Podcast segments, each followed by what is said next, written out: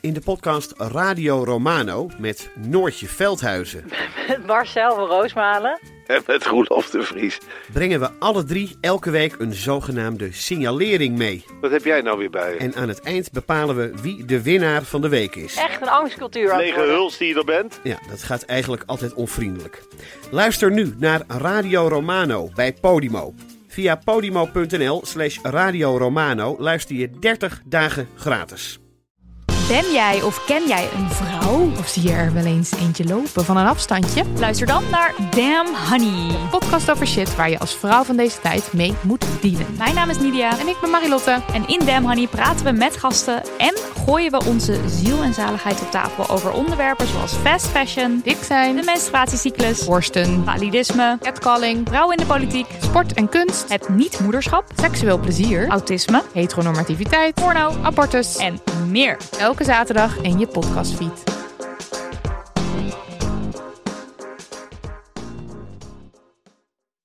Het lijkt me dus dat als je eh, eh, topsporter bent, dan kan je dus ook nooit een keertje drinken, want dan kan je katers ook helemaal niet aan, want Nee. dat ben je dan niet gewend. En je Nee. kan dan ook niet naar, daar heb je ook heel veel moeite denk ik als je naar een ander land reist. Ja, Want, je, want, je, want je moet als sport, topsporter toch de hele dag altijd hetzelfde doen of ja. zo. altijd hetzelfde eten en zo. Ja, en op dezelfde tijd op om te gaan sporten. Je moet niet naar, naar, naar Pyongyang en dan uh, diarree krijgen of zo van het eten. Dan vraag ik me dus ook altijd af met vrouwelijke sporters of die dan, of die dan ongesteld worden of niet. Heel veel topsporters worden niet ongesteld. Oh, sowieso vanwege topsporten Ja. niet. Oh ja, dat is natuurlijk ook waar. Ja. Ja. ja. Dus dan, ja, ik weet niet of je dan meteen dat gevoel kwijt bent of zo, maar eh, Ja, nee, ja, als je niet ongesteld wordt, dan, dan krijg je ook geen PMS. nee. We kunnen er wel een luisteraarsvraag van maken. Van, ehm, want we begonnen eigenlijk over en toen stond nog niet aan. Zijn er topsporters met heel erge hooikoorts? Dat Darters. we even horen van jullie. Schakers. Ja, maar dan, dat, is- zelfs dat kan niet. Nee, Nou. misschien niet. Maar zo Max kan je niet schaken en hooikoord. Oh, nou, je, nee. bedoel, je moet niet op het moment dat je een schaakwedstrijd hebt... echt helemaal vergaan van de hooikoorts. Want dan kan je ook niet focussen. Nee, lijkt mij niet. Maar je bent echt dus uit de running daardoor. Ja, ik niet nu, hè. Eh, ja, Ja, nee. Maar ik bedoel, er zijn... Je, Deze, deze podcast kan je met moeite opnemen. Er zijn, tijden, er zijn dagen geweest in, Het in mijn joh. leven. Is- Ja. ik ga, ik, morgen ontmoet ik Kasparov. Echt? Echt. Ja. Oh, Ik hou een microfoon omhoog, dat is alles wat ik doe, maar ik ontmoet hem wel. Vraag even of die hooikoorts heeft. Of die hooikoorts heeft. Ja. Have you ever suffered hay fever? Eh, nee, maar hoezo? Ik eh, moet een microfoon omhoog houden voor Dag en Nacht Media tegen heel veel geld. En die gaan, Oh. eh, ja. Voor die, dat, die internationale productie. Ja, ik, eerlijk gezegd ontgaat het me een klein beetje wat het Je nou hoeft echt precies alleen de microfoon vast te houden. Ja, in dit geval wel. Nee, dit is niet 99% Invisible. Dat heb ik ook Oh. gedaan. Ja, echt. Maar Kasparov is dan in, in, in Nederland. Ja. Maar Kasparov, dat is toch ook... Je had Karpov en Kasparov. Maar dat zijn echt namen uit eh, mijn jeugd. Ja, nu maak je me ook een beetje in de war. Want het kan toch zomaar zijn dat ik... Dat ik dat het, Nee, maar maar, dat is dat- Karpov hoor je nooit meer. Kasparov is nog... eh, Maar zeg dat die dan eh, nog actief Ja, zijn. maar nee, maar Kasparov is, In politicus geworden, in toch? het lezingencircuit. Oh, die is maar niet meer als, als topschaker. Want ik zou nu ook geen topschakers kunnen noemen. Jawel, die, die, die, die Noor die ook reclame maakt voor G-Star. Ja, Kasparov. Sorry. Top. Oké. En, en, eh, maar dit is de man die eh, verloor van een, eh, voor het eerst verloor van een schaakcomputer. Ja, Maar hij was daarvoor was hij ook al Ja. heel, bekend. Of misschien is het, dan, ja, ja. is het dan meer dat ik, dat ik vroeger thuis of zo dan verplicht Studio Sport moest kijken. Zeiden ze dat soort dingen in Studio Sport? Nee, toch? Schaken toch niet? Weet ik niet. Nou... Nou ja, wij Hans, kennen... Hans ik bedoel, Beum was dat toch? Of was dat, was dat Hans Beum niet die het schaken... versloeg? populariseerde. Ja, nou ja, een beetje ook. Maar Hij was zelf schaker. Je had... Ja. ehm, Die hoorde ik dan op Radio 1 in ieder geval. Ja, maar er was wel aandacht. Er is wel aandacht voor schaken, altijd, toch? Een soort media-aandacht. ja, volgens mij hoefde dat niet gepopulariseerd te worden. Hoe bedoel je? Nou, was, is het dus altijd wel populair onder bepaalde groepen? Ja, nee, ik bedoel, dat bestaat gewoon. Ja, Ja, staat ook in de krant. Staan er van die dingetjes. Ja, Van die... die- ja je hebt Ja. zetten en zo.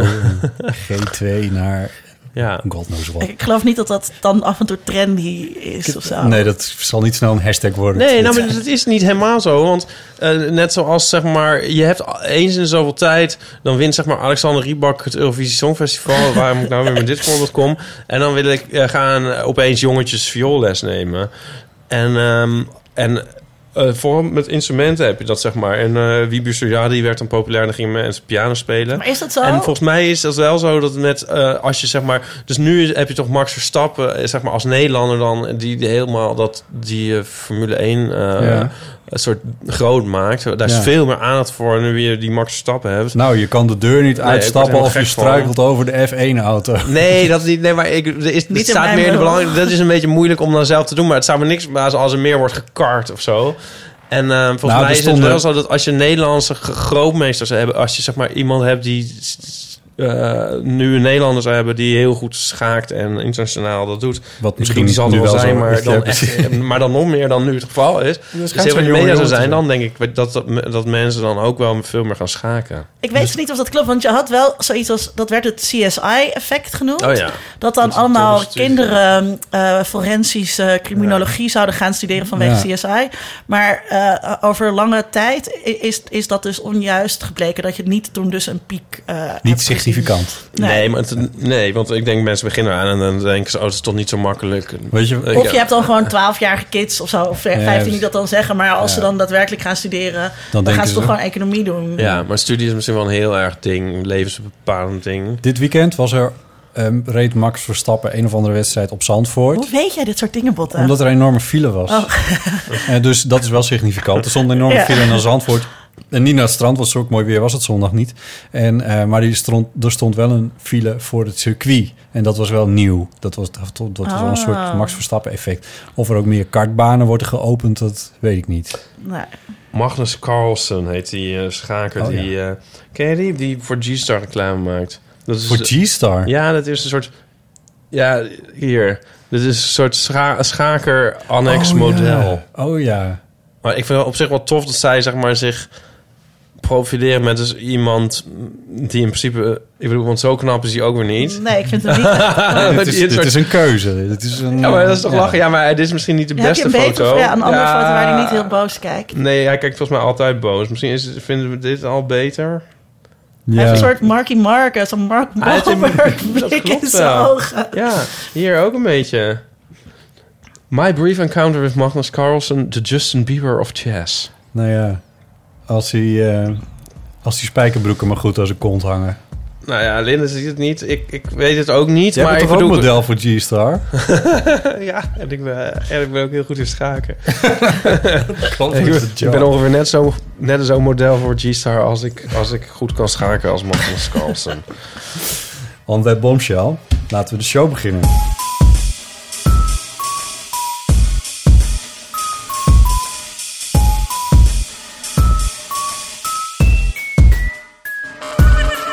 Welkom bij de van Amateur, aflevering nummer 57.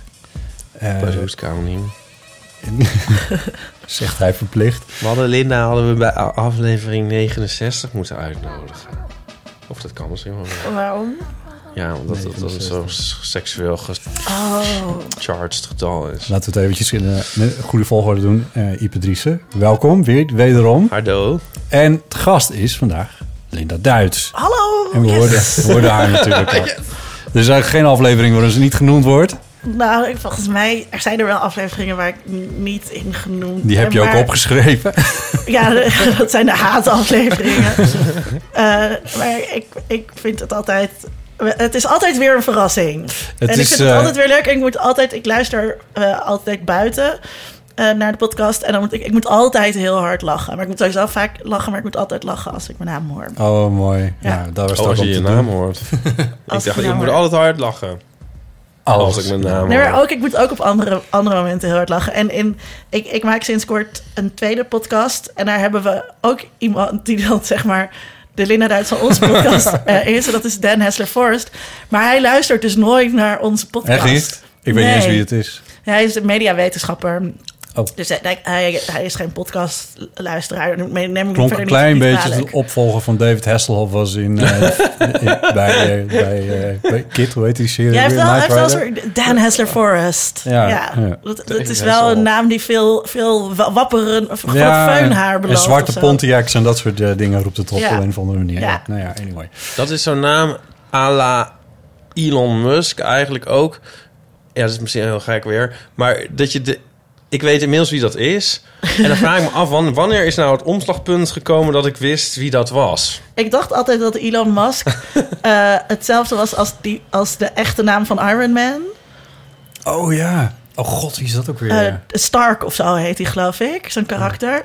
Want Elon Musk klinkt zo als een zelfbedachte Ja, ja. naam van Ja. iemand die Ja, klopt. iets, iemand zou zijn als Elon Musk. Klinkt ook enigszins als een anagram. Ja. Maar je zou hem al heel lang kunnen kennen, want Elon Musk is namelijk ook de bedenker van PayPal geweest. Ja, nou ja. En dat gaat al heel Ja. ver terug. Ja, dat dus- kun je aan het logootje altijd Ja. nog wel een beetje zien, dat dat Ja. heel ver terug gaat. Ja, maar PayPal dat, ding. nou ja, dat doet er ook niet echt toe. Maar dat is eigenlijk ook... Maar dat, die zit wel heel erg in de categorie Elon Musk. Maar op eerst wist, niet, wist je dan niet wie Steve Jobs was. Ja, misschien sommige mensen wel in de jaren tachtig al of zo. Maar ik dan niet. Ja. En dan op een gegeven moment weet je dan wel heel erg wie... En dan na een tijdje weet je eigenlijk nog niet meer... dat je ooit niet hebt geweten wie dat was. maar waar is dat nou opgetreden? Wanneer, ik- hoe heb vaak ik- heb je dat gehoord? Dat heb ik dus met Dan Hessler Dat heb ik met Ja. Ipe Driessen en met Linda Duits dus eigenlijk ook een klein beetje. Maar nog even daar terugkomend, want dat moet ik nog even rechtzetten. Want het was denk ik twee afleveringen geleden. Eh, toen had er een jongen, wiens naam ik nu natuurlijk niet weet... eh, ingebeld en gezegd... Ik was laatst ergens en toen kwam ik Linda Duits tegen. En Ja. zeiden jullie, oké, wat random. Maar hij was dus de jongen die tegen mij zei op een borrel... hey, ik ken jou uit de podcast van de Eeuw van Amateur. Oh. En daarom zei hij dat natuurlijk tegen jullie. Oh. Want anders is het een heel stom verhaal. Ja. Maar hij, want dat had hij dan weer op Twitter gezien. Dat Ja. ik dat tegen jou had gezegd. Ja. En dat het, nu is het zeker voor de luisteraar niet meer te Ik begrijpen. vind het, ik vind het een beetje saai dus verhaal, ik- maar ik vind het wel... eh, ja, ja, maar het is nu wel duidelijk. Ja, Ja. ja. ja. oké. Nou, mooi. Eh, wij hoorden twee weken geleden dat jij een boekpresentatie had. Namelijk nu een week geleden, ongeveer. Ehm, en daar ben ik bij geweest. En dan presenteerde je je boek Seks op zijn Duits. Ja. Dat is niet per se de reden om je nu hier uit te nodigen... maar het is wel een leuke bijkomstigheid natuurlijk. Aanleiding. Wat zei ik? Aanleiding? Ja. Nee, dat zeg ik. Dat zeg ik. Niet de reden, maar de aanleiding. Oh, de reden. Een, Oh, goede, een goede aanleiding. het is een goede aanleiding om, je, om je uit te nodigen. Vind ik ook. Hoewel, toen ik je dus een microfoon onder je snuit hield vorige week bij die presentatie voor het trailertje, toen zei je van, nou, we kunnen het over van alles hebben, maar laten we het niet over seks hebben. Ja. Dus niet over je boek. ja, want ik moet dus wel dat boek dan eh, promoten. Ehm, en het is een heel leuk boek. Ik ben er heel enthousiast over. Maar dus Ja. ik vorige week heb ik best wel veel radio gedaan. Allemaal Radio 1, dus dat vond ik dan ook Oh, heel gek. Van, worden ze dan bij Radio 1... Je hebt toch mensen die wel echt de hele tijd Radio 1 aan hebben staan... worden die daar dan niet een beetje gek van? Hoe Ehm, vaak ben je nou geweest? Echt vier of vijf keer. Huh? Dus je hebt, waarschijnlijk heb, heb je het al vanmorgen gezeten? Eh, nee, nooit meer slapen. Nooit meer slapen? Het lange interview of het korte? Kort, het korte interview. Korte, met de kaartjes. ja, Ja. wat heel leuk was. Focus. Een uur lang. Dat is een wetenschapsprogramma. Of, Geloof ik, een wetenschapsprogramma. Ze hebben een uur lang dat Ja. ze iemand met een boek doen. Ja. Eh, De de- nieuwsbv? Eh, de taal staat. Oh, de taal las ik. staat. Oh, Ehm, dan een, een nieuws en koos middags. oh ja. ja. Ja, bij Lara Rens heb je gezeten dan. Ja, en nog één. Vijf. Vijf. Wauw. Volgens mij waren het er vijf. Ja, Ook bij die waar Dries Roelvink inbelt. dat is eh spraakmakend. Dat is in de ochtend. Daar zou het nog een keer over We hebben. zouden toch een keer avond Ja. zeggen. Ja. Oh, Maar maar, dus- dus, het jij bent suf geluld over seks Nou of je ja, boek. en, en ik moet dus ook... En ik schrijf elke week columns eh, over seks. En eh, soms, sommige weken schrijf ik er twee.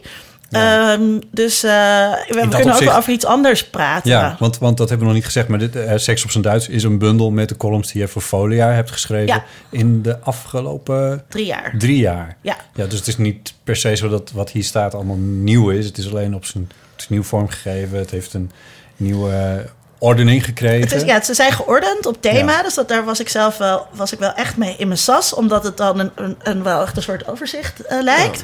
Eh, dus zo'n thema is bijvoorbeeld beginnen, behouden. Eh, maar je hebt bijvoorbeeld ook eh, anatomie en vaardigheden. Eh, en eh, media en tech.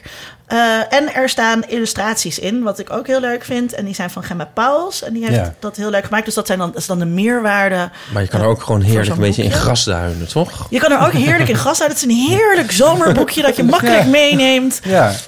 naar het strand of naar het zwembad. Dat vind ik altijd, altijd leuk om dan te bedenken waar, net als waar je allemaal een podcast zou kunnen luisteren. Eh, en, Ja. en, maar misschien dus ook voor de luisteraar als ze denken, nou, dat lijkt me heel leuk om meer te weten over seks. Dan kunnen ze het boekje lezen. Ja. Ja. En daar ben je dus vorige week helemaal kapot op geïnterviewd. Ik ben er vorige week helemaal kapot op geradio interviewd. Ja, ja, maar ja. ik had ook verder niks voor de krant of zo. En ook bij televisie willen ze er niet, er niet niks... eh, maar radio wel. maar radio wel. Is er ook één vraag die altijd gesteld wordt... waar jij altijd hetzelfde antwoord op geeft? Eh, Deze. n- n- Nou, ze, ze, ja, mensen ze vragen dus vaak hoe is het zo gekomen dat je over seks Ja. ging, schrijven, Oh ja. ging schrijven. En, ehm, en de onmogelijk, wat is de stand van zaken qua seks Oh, nu? Oh, Ja. Ja, Ja. Oh, ja. voor iedereen of ja, zo. voor alles. En hoe, Ja. hoe... Niet dat je... Om dat nou weer helemaal verbatim te reproduceren... maar hoe pareer jij dat dan, min of meer? Nou, dan, dan kies ik een puntje dat ik leuk, op dat moment leuk vind om, om, Oh, dus te dan praten. ik varieer het- je wel op. ja, en dan ga ik daar naartoe praten. Oh ja. Ja. En, en, en, en hoe is het zo gekomen? Wat zeg je dan? Heb je dan Eh. niet een grappige anekdote? Nee. nee, en, maar, dan, maar als, ik dan, als ik dan soms geen zin heb om die, om die vraag te beantwoorden zoals nu... dan vertel ik soms wel eens hoe mensen reageren. Want dat is, dat is Oh ook ja. wel leuk, hoe mensen reageren als je zegt dat je Oh ja. columns over seks schrijft. En eh, dan wat oudere mannen, zeg maar, die gaan dan... he- Oud, oudere hetero mannen, die gaan dan vaak een beetje dichterbij je staan of zo. Ja, ja. Dat, dat is heel vervelend. En, wat, en jongere mensen denken vaak dat ik dan een soort seksuoloog ben. Ja. Eh, dus ik heb dan ook wel mensen. Laatst had ik, nou, die luistert vast geen podcast, maar laatst had ik een oud collega die echt met flink wat bier erin echt al zijn seksuele relatieproblemen aan mij ging vertellen. En ik had al gezegd, van, dat moet je niet doen. Ja. En ga naar een seksuoloog. En ehm, dus volgens mij is dat ook zo als je arts bent, omdat iedereen dan altijd zegt: Ik heb hier een raar bubbeltje. Ja. Bubbeltje, kan je kijken. Ja. Want ik kan niet. Ik kan niet eh, iemands eh, seksleven verbeteren. Nee, ik, kan alle, wel voor alle duidelijkheid. eh, dus. een informatieve, ik schrijf informatieve stukjes Ja. eh, over seks, maar meer vanuit een maatschappelijk eh, perspectief dan vanuit een medisch eh, perspectief. Ja, want, want laten we dan even een klein stapje terug doen. Want eh, het is verschenen bij Amsterdam University Press. Ik meen de prestigieuze academische uitgever. Ja, zeker. Is die niet vooral verbonden aan de UvA, aan de Amsterdamse eh, Universiteit? N- nee, zij, zijn, zij staan daar officieel eh, los van. Het is ook niet een bedrijf dat daar, dat daaronder valt. Maar omdat het Amsterdam in de, in de titel heeft, is... ja. Maar zij publiceren dus ook niet alleen maar auteurs van, van de Universiteit van Amsterdam. Nee. Zo werkt dat ook niet met Nee. de universitaire uitgevers. Dus het is als je aan de UvA werkt... eh, Is het, ja, kan het eerst ook heel prestigieus zijn om bij Harvard University Press uitgegeven te worden. Ah, ja. Ja, Dat zou je ook wel leuk vinden dan. Jij hebt ook wel ik zou de- het heel leuk vinden als er iemand luistert die dat kan regelen. Ik had laatst ook een oproep voor Paulien in Du- Duitsland, geloof ik. Maar dan ja. wil ik wel gaan als er iemand luistert die contacten heeft bij Harvard University Press. Groot-Brittannië was dat trouwens. Eh, Oh ja, voor Groot-Brittannië. Ja. dan zou ik het heel leuk vinden. Als, eh, en dan wil ik wel zelf de vertaling doen. Daar doe ik dan ook niet moeilijk Ja. over. Want eh, ik heb jou wel een paar keer geïnterviewd voor eh, de reportages en documentaires en zo. En daar moest ik steeds bij zeggen dat eh, Linda Duits verbonden is aan de Universiteit Utrecht. Want daar werk je voornamelijk, geloof ik, als sociaal wetenschapper. Nou, dat, daar ben ik als, als onderzoeker aan verbonden. Juist. Eh, en eh, als ik met media praat, als, en ik doe dat als wetenschapper, dan, dan geef je je onderzoeksaffiliatie weer. En die is dus aan de Universiteit Utrecht. Eh, en, maar je hebt daar niet een bureautje staan. Eh, ik, heb- er is daar een flexplek voor mij waar, Oh ja. ik, waar ik liever niet zit. en ehm, eh, ik freelance als docent en dat doe ik voor verschillende eh, universiteiten. Dus dat heb ik ook voor de UU gedaan. Oh, Ehm, leuk. Heb je wel eens in, ben je wel eens in Groningen? Nee, ik ben nog nooit in Groningen Ja. eh, geweest. Dat is mijn Ja, nee, daar ben ik nooit, daar ben ik nooit, nooit voor gevraagd. Ja. Wat ik wel leuk zou vinden, want daar hebben ze ook een hele leuke mediastudies eh, afdeling. Ja. Maar ik heb in het najaar voor de Erasmus Universiteit gewerkt. Eh, en nu doe ik weer een klus voor de Universiteit van Amsterdam. Dus dat eh, varieert heel erg. Ja. En Ja. wat voor colleges zijn dat dan? Die, Ik, geef, ik begeleid nu bachelor thesis. eh eh 12 dat zijn ik bach- bachelor scripties? Ja, bachelor ik scripties. kom nog uit het oude systeem. Ja, Ja, ja, dus eh, mensen die aan het worstelen zijn voor, voor hun bachelor. Eh, over best wel uiteenlopende onderwerpen. Dit zijn allemaal, ik, ik geef, ja, bij mij is het allemaal, is het allemaal televisie. Ik, was wel jammer, want ik had het een beetje op productie ingestuurd. En ik hoopte dat er, dat er studenten waren die iets met podcasts eh, wilden gaan Oh, doen. ja, ja. Dus dat ik ook echt expliciet in de groepsbeschrijving gezet van, weet je, in deze groep kan je... Weten jullie dat werkt trouwens? Dat je, vroeger Nee. mocht je natuurlijk zelf je onderwerp kiezen. Ja. Maar tegenwoordig, zeker bij grote studies als mediastudies, proberen ze dat een beetje te stroomlijnen. Dus Hm. dan heb je een soort scriptiegroepjes. En eh, dan hebben ze eerst een seminar en dan praat je over hoe schrijf je een opzet en wat moet er allemaal in zo'n in je methode deel staan. En dan werk ze een beetje naar een opzet toe. Eh, en dan probeer je dus te clusteren op onderwerp. Eh, en ik doe dus productie en televisie. Eh, dat is mijn groepje. Maar die schrijft met elkaar één scriptie? Nee, Dat nee, dat zou wel heel erg... eh, Het wordt wel uitgerold, het hoger onderwijs, maar niet zo erg. Maar nee, ze en dan, zitten wel een beetje in elkaars deelgebied. Dat, ja, dus bij, bij mij zijn ze dus allemaal, doen ze allemaal televisie. ehm, een beetje wel een beetje focus op, op eh, eh, productie en representatie. Maar je hebt bijvoorbeeld ook een groepje met Maarten Racing en dat gaat over animal studies. En dan gaat het dus over dieren in de media. Oh, Ja. Leuk. ja? Dus dat, dat is dan ook weer anders. En je hebt daar ook nieuwe media, nieuwe media eh, dingen zitten. Je hebt film, dat zit ook allemaal Ja. bij media en cultuur. Dus heb je een beetje clubjes. Eh, en die van mij doen dus allemaal iets met tv. en niemand wil iets met podcast doen. Dat vond ik wel echt heel jammer. Ja. Ja. Ja. Want kennen ze het dan niet of vinden ze het nog niet zo interessant? Of wat is het?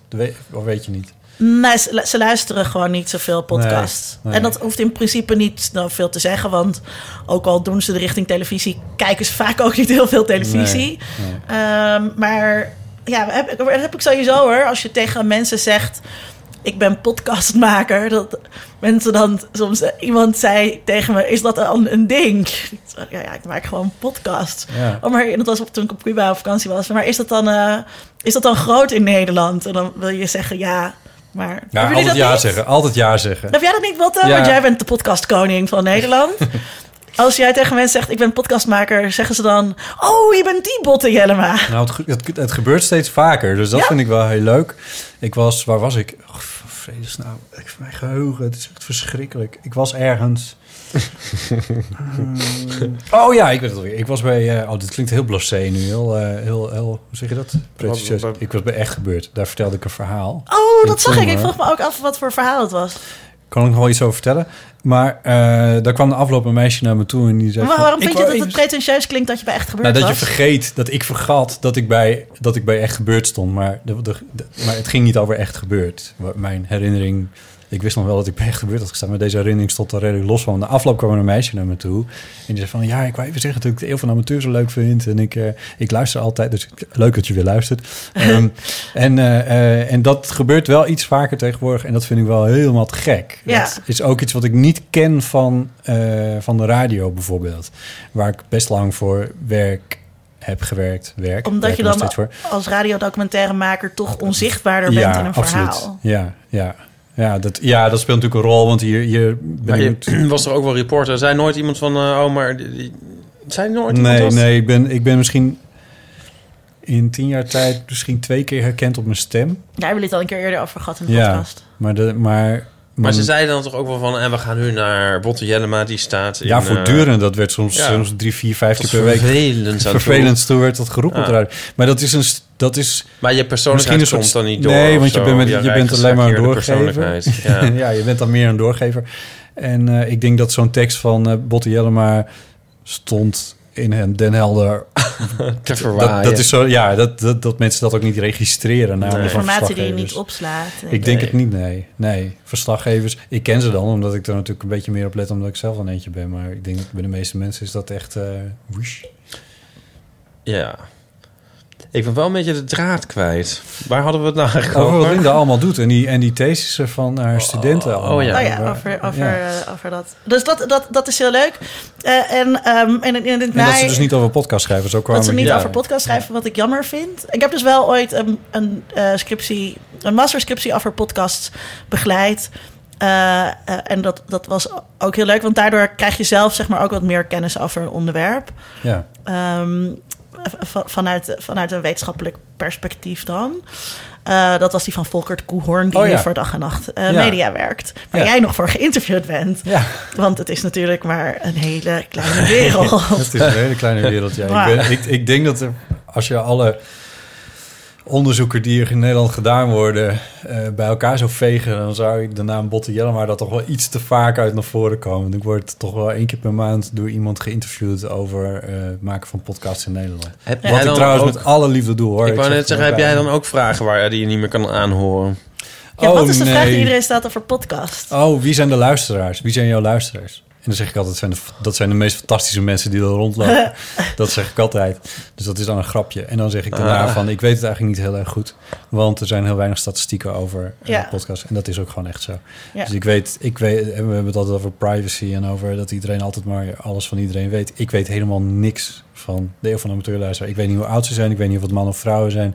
Ik weet niet op welk geslacht ze vallen. Ik weet niet waar ze... Ik weet dat ze binnen Nederland wonen. Nou, Extrapoleer Dat jij dat niet van eh, onze ingezonde briefschrijvers en zo? Dat je Nou, denkt van, ja, maar dat daar is- een soort dat- beeld komt er toch wel uit naar voren? Ja, maar dat is natuurlijk eh, dat is kwalitatief en dat is niet kwantitatief. Nee, weet ik wel. Maar ik bedoel, heb je dan denk je niet dat je dat een beetje kan... eh, En dat is gebiased, want we hebben er nogal wat luisteraars en ik krijg natuurlijk wel wat post binnen, maar zoveel is het nou ook weer niet. Dus Ik vind wel altijd dat de mensen die eh, reageren op de eeuw heel divers zijn. Ja, en dat vind ik dus heel leuk, want dat zijn inderdaad, het zijn van studenten tot eh, huisvrouwen van in de 60, 70. Ja, Eh, en alles wat er tussenin zit, en mannen, vrouwen. Dus het is, het- ja, het is een brede waaier en dat, is, dat vind ik dus wel heel fijn. en dat gaat wel in tegen de, de soort conventionele wijsheid dat podcastluisteraars man, mannen zijn tussen de eh, Ja. 25 en de Nee. 40 die Ja. hoog opgeleid zijn. Nee, maar dat is niet waar, want ik, ik ken dus ook ik, zelfs tieners die luisteren.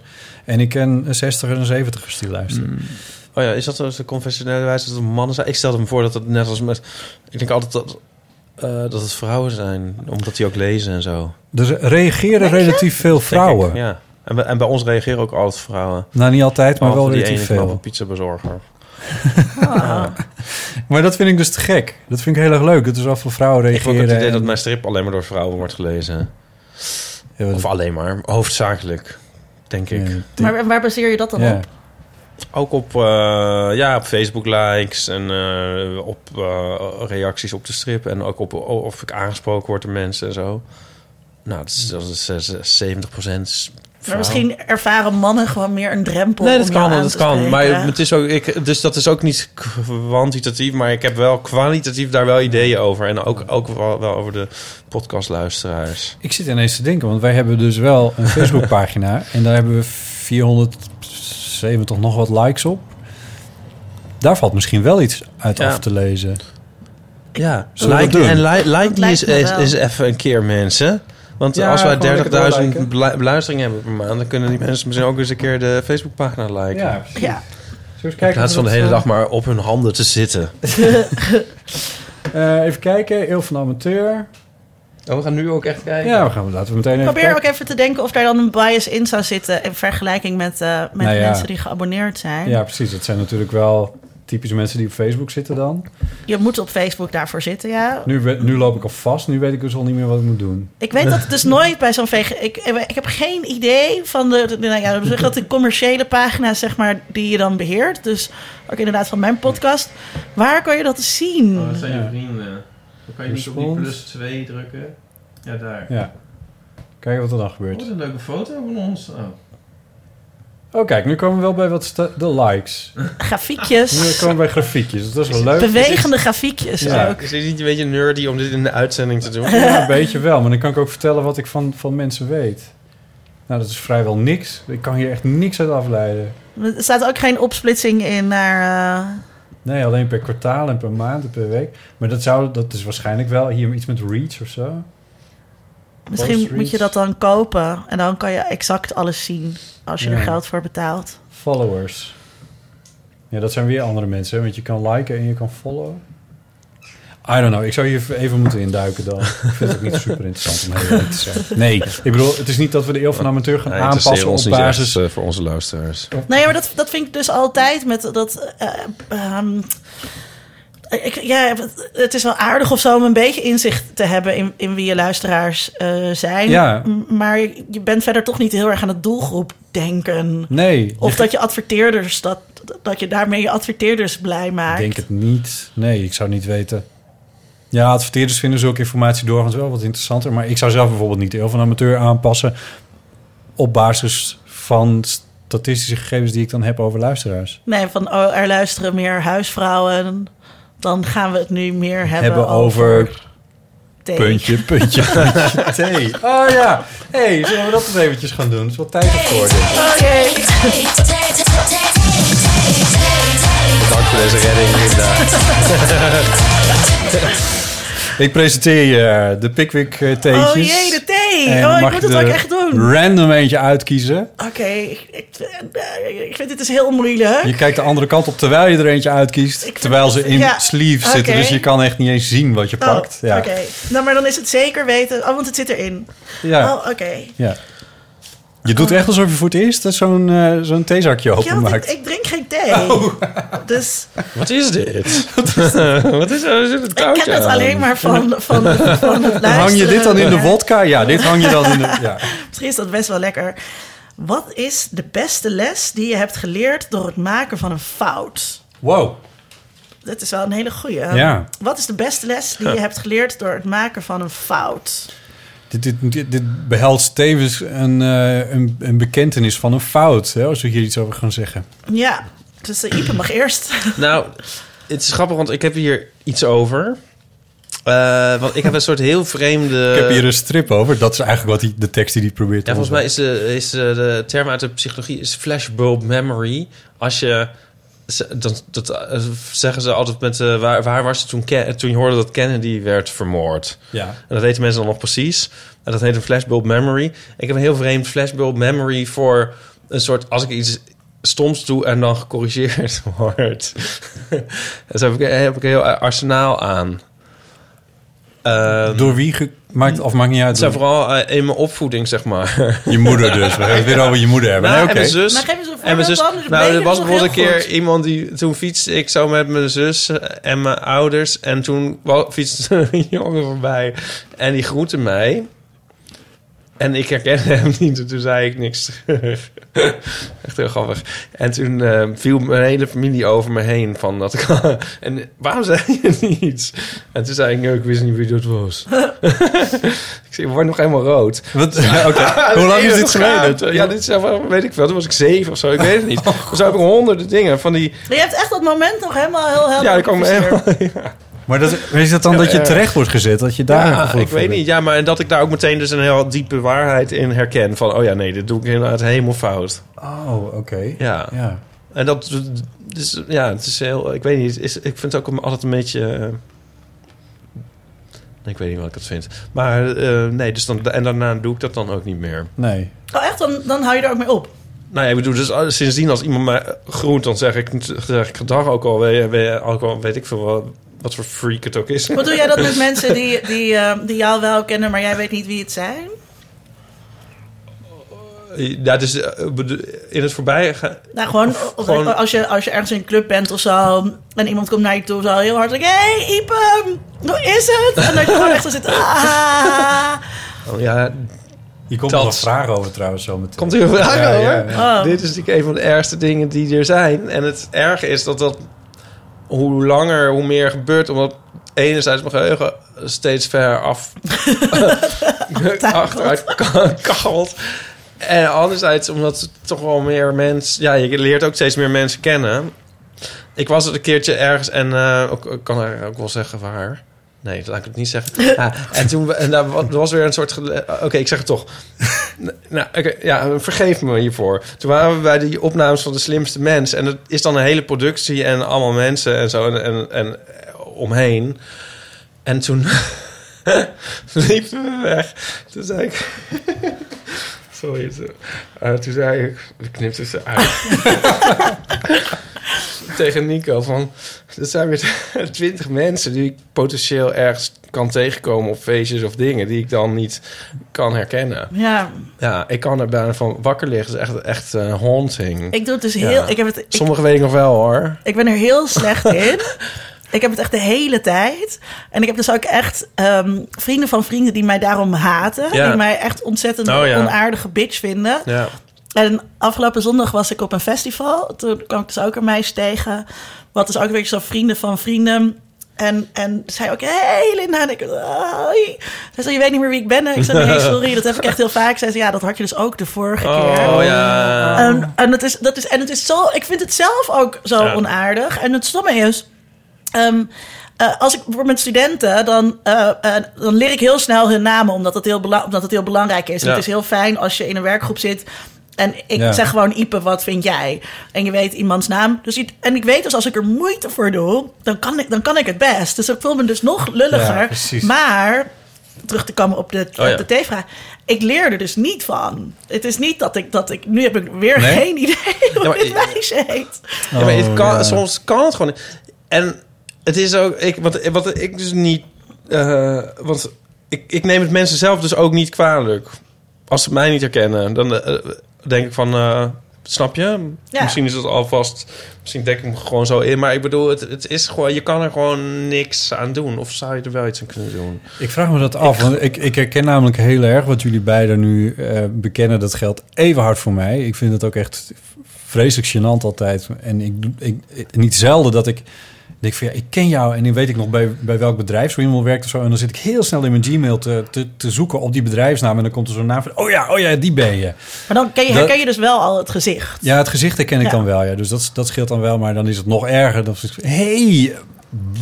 En dan soms probeer ik het ook echt op de vlakte te houden. Dat we het niet over namen hoeven te hebben, over wat dan ook maar. Ehm, maar wat ik bijvoorbeeld wel doe, als ik naar interviews toe ga... en ik moet twee of drie mensen interviewen... die namen leer ik onderweg uit mijn hoofd. Want ik vind dat ik het dan echt moet weten. Ja, Eh, eh, want ik- als ik dat niet doe, dan sta ik ook te haspelen en te doen. En, en dat hoor ik dan weer terug. Ik hoor mezelf altijd terug natuurlijk als het een opname is. Dus daar, daar heb ik dan weer wel van geleerd. Dus ik, je- maar het is echt een flinke inspanning. Want dat is dus wat jij met je studenten doet.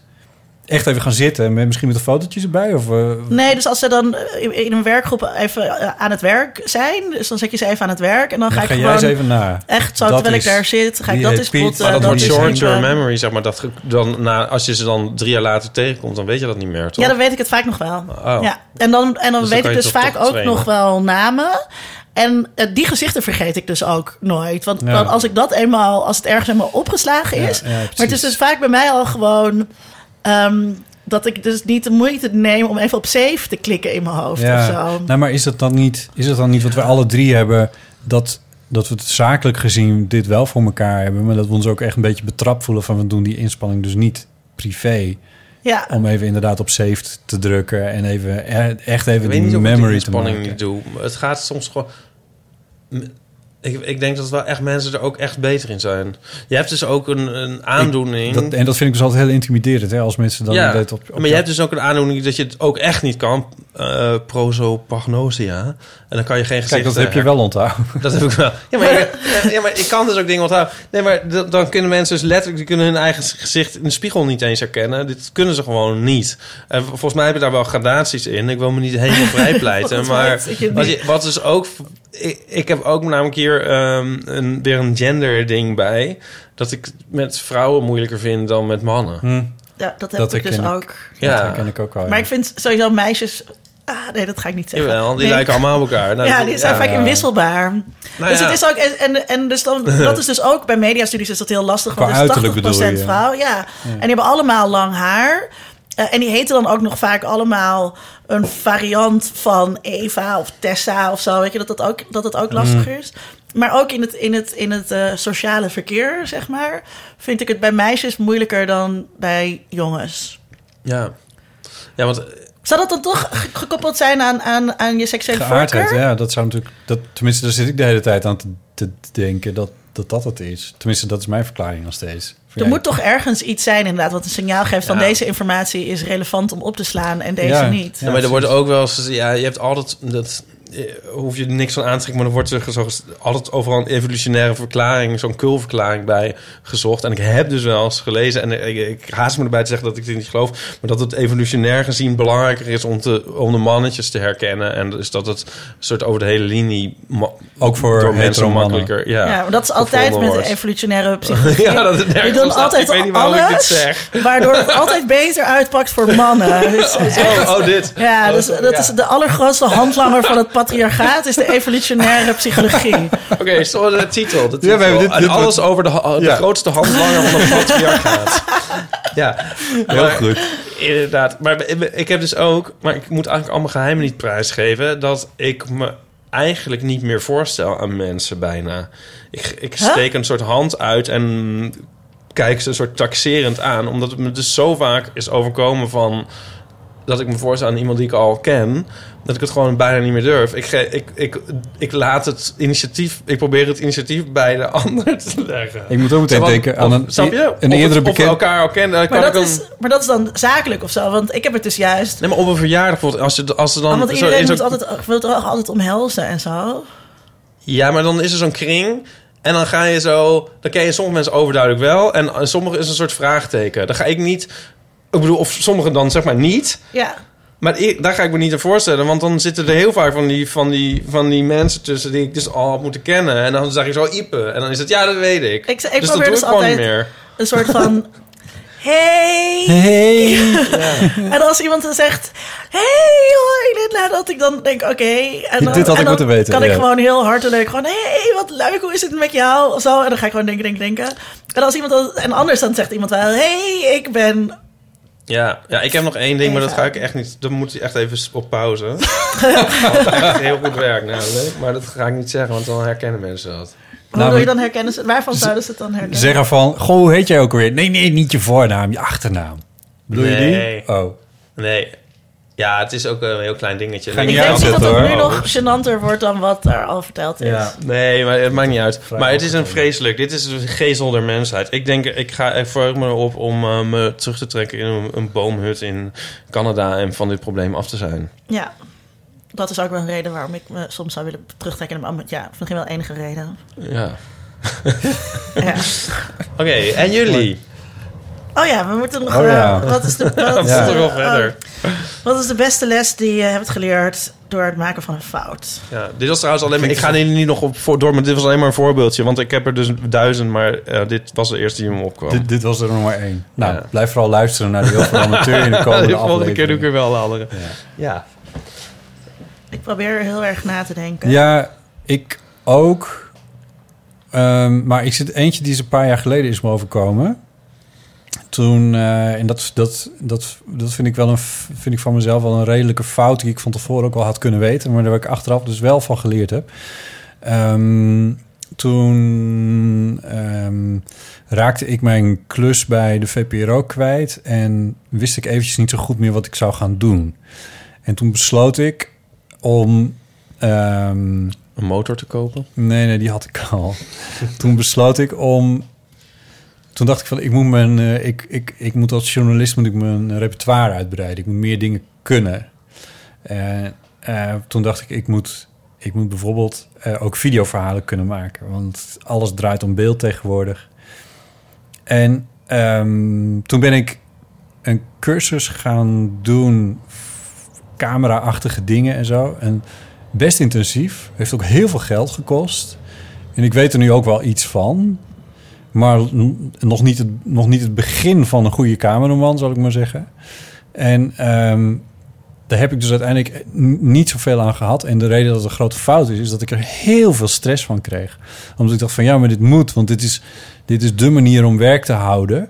En dit is, want eh, radio, dat wordt allemaal alleen maar minder. Dus ik, ik moet met beeld gaan werken. En als ik dit nu niet kan of niet doe, dan, eh, dan is het allemaal verloren. En dan, eh, dus ik kreeg er heel veel stress van, omdat ik wist van ja, ik kan dit ook gewoon niet. Ik kan niet. Ik kan niet en filmen en interviewen. Ik En kan waarom dacht je dan dat je toch moest... ja, omdat ik dacht dat ik zonder werk zou komen te Ja. zitten. Als en was ik, er eh, toen een vriend in jouw leven die zei van... Nou, dit zou ik niet doen. Nee, ja, die was er wel, maar die geloofde ik op dat moment niet. Ipe, is er iets wat je wilt zeggen? Nee, nee, nee, dat klopt. Iep heeft in die tijd gezegd dat ik dat niet moest gaan doen. En er waren meer mensen, ook Aaron trouwens, die heb ik ook al over gesproken. Eh, die is eh, filmregisseur en, en huisgenoot van, eh van Ipe. En die zei ook van, ja, nou, als jij met video wil gaan werken... dan moet je gewoon een cameraman eh, inhuren. Dat is heel simpel. Maar zal ik iets stichtends zeggen? Nou, dat hoeft voor mij niet. Want dan hebben we toch... Oh, dat ga je eh, toch doen. nee, maar ik bedoel, dat is toch... Ja, nee, maar, eh, wat was het ook? Wat is de beste les die je hebt geleerd door het Oh, maken je van een hebt ook iets geleerd. Oh ja, nee, dus dat zat er wel in. Ja, Ja, ja, ik bedoel, ja. nou, mooi toch? Eigenlijk. Oh, de les die je Ja, hebt geleerd is dat je... Maar wat is dan de les die je hebt geleerd? Dat je die toch een beetje nou, aardig dat, kan maken. dat, ik, dat ik gewoon eh, eh, blijf bij je lees. Want, eh, ja. maar misschien ook luister dus naar je vrienden. Ja, ook luisteren naar je vrienden, ja. Ja, dat is misschien ook wel een les, ja. Ja, ja. Nee, maar ook, maar, maar, maar zakelijk gezien in ieder geval... eh, want het was ook op het moment dat, dat, met, dat het met de podcast eigenlijk best wel goed ging. En ik vind het zo stom dat ik dat toen niet heb gezien. Van... ja, maar daar moet je nu gewoon volledig op inzetten. Van, Het klopt, bij de radio wordt het minder. Dat is wel zo. Maar er ligt daar een hele markt en dan zit je bovenop en dat gaat eigenlijk best goed. Dus waar, ik, ik heb daar zoveel tijd en energie verloren. Daar heb ik echt spijt van. Dat vind ik echt verschrikkelijk. Maar echt Maar- voelt het dan als, als, als dat je dat hebt verloren? Nou ja, ja, goed. Kijk, ik weet nu wel iets van... Ik, ik heb ook wel wat videoverhalen gemaakt en die heb ik ook wel verkocht. Dus uiteindelijk is het ook wel min of meer break-even, zal ik maar zeggen. Dat is niet heel erg geweest. Ehm, mm, ja, verloren, nee. Want het is altijd interessant. Ja, is, eh, misschien ik komt weet dat nu ook weer dingen. terug. Ja, en soms dan zie ik, er, zie ik op televisie of, of, of op internet zie ik dat iemand een plaatje heeft gemaakt. Ik Kan nu wel redelijk, ik denk dat ik nu wel redelijk snel kan zien of iemand met een beetje zicht op de zaak iets heeft lopen zitten filmen. Ehm, maar ja, ik kan dat zelf niet per se reproduceren. Dus ik, ik zal me daar verder. Ja, dus ja. huh. Nee, het is niet helemaal verloren, maar het is wel een les geweest. Vooral omdat ik er zoveel stress van kreeg. Dat Ja. was eigenlijk, dat is meer de les dan, dan dat, je, dat, je, dat je niet leuke cursussen moet gaan volgen. Want dat is eigenlijk altijd wel goed. Ehm, maar meer die stress, dat was. ehm, En ja. ook dat je het gevoel had misschien dat je dus een kant opgeduwd werd waar, waar je eigenlijk helemaal niet heen wilde. Nou, misschien wilde ik er wel heen, maar eh, het, is, het is eigenlijk geen doen. Ja. Ja, het is eigenlijk geen doen. En eh, nee, en het, eh, en, credit, hoe zeg je dat? Credit where credit is due. Ehm, eh, ja, je hebt dat toen de tijd wel tegen me gezegd, ja. Ivan zit niet zo te shinen. dat had me even moeten Ja, zeggen. nou ja, ik Ach ja. Gun, gun hem zijn moment als het terecht ja. is. Maar ehm, moeten we eigenlijk deze vraag niet veel meer benaderen eh, van de kant van... eh, en Alejandro stelde toen voor dat ik naar Cuba zou emigreren en bij hem in zou trekken. En toen had ik een ticket gekocht en de ochtend, ik had mijn koffers gepakt en toen op het laatste moment dacht ik toch van nee, ik doe het toch maar niet. En Oh zo. is dat niet meer de categorie eigenlijk waar we in zitten? Linda. Ik weet het niet, wat dat soort... Klinkt wel heel episch ineens. Ja, dat, dat heb, ik, heb ik nog nooit meegemaakt. Ik weet ook niet of er echt zoveel van dat soort le- levensveranderende momenten, ik vertrek-achtige situaties. Zo werkt mijn leven ook niet heel erg. Je bent wel naar een grote stad verhuisd. Ja, oh, daar heb ik er wel eentje. Maar ik weet niet of dat dan valt in wat jij... Nee, oké, dat ook niet. interpreteren dit breed. Oh, dit vind jij dan wel misschien wel interessant. En het gaat terug op de vorige podcast. Of de vorige keer dat ik te gast was. Als, het, dit zit als, als een, als een Zwitsers uur. Het, eh, Zakkerloos. eh, toen, ik, eh, toen ik naar de grote stad verhuisde, toen werd ik lid van Unitas. En daar Dat vindt Ipe dan weer leuk. daar hebben we het de vorige Daar keer het over, over over Ja. gehad. Omdat Bottet die dacht toen, oh, we gaan lekker met, met elkaar bitchen over studentenverenigingen. Bleek ineens. En toen bleken Ipe en ik in Vol één in keer het Stockholm syndroom te zitten. ja, dat, dat helemaal niet te hebben. Maar eh, toen ik, eh, dus toen werd ik lid van Unitas. Het koor van Utrecht. Zeg ik er Eh, even bij. Nee, dat is niet het, dat is niet het koor van Oh eh, god, Utrecht. hebben we Dus- de vorige keer ook al Ja, gehad. Unitas zit niet, is niet Nee. onderdeel van de corpora, eh, maar er is net een stapje lager. En je Oh, hebt ja. het ook in Amsterdam, want het zou gek zijn als ik naar Amsterdam verhuisde en dan in Utrecht lid werd weer Unitas. Oké, ja. Ja, en, ehm, maar, Ja. en toen eh, was ik daar iets van, want, want ik kwam uit Zeist en iedereen uit Zeist, die uit Zeist kwam, die werd ergens lid, want dat was nou helemaal wat je deed als je ging studeren. En uit Zeist kwam. Ja, en ik dacht dat dat zo hoorde. En eh, toen vond ik het dus niet echt zo leuk. Dus na eh, eh, een jaar en drie maanden of zo ben ik daar weggegaan.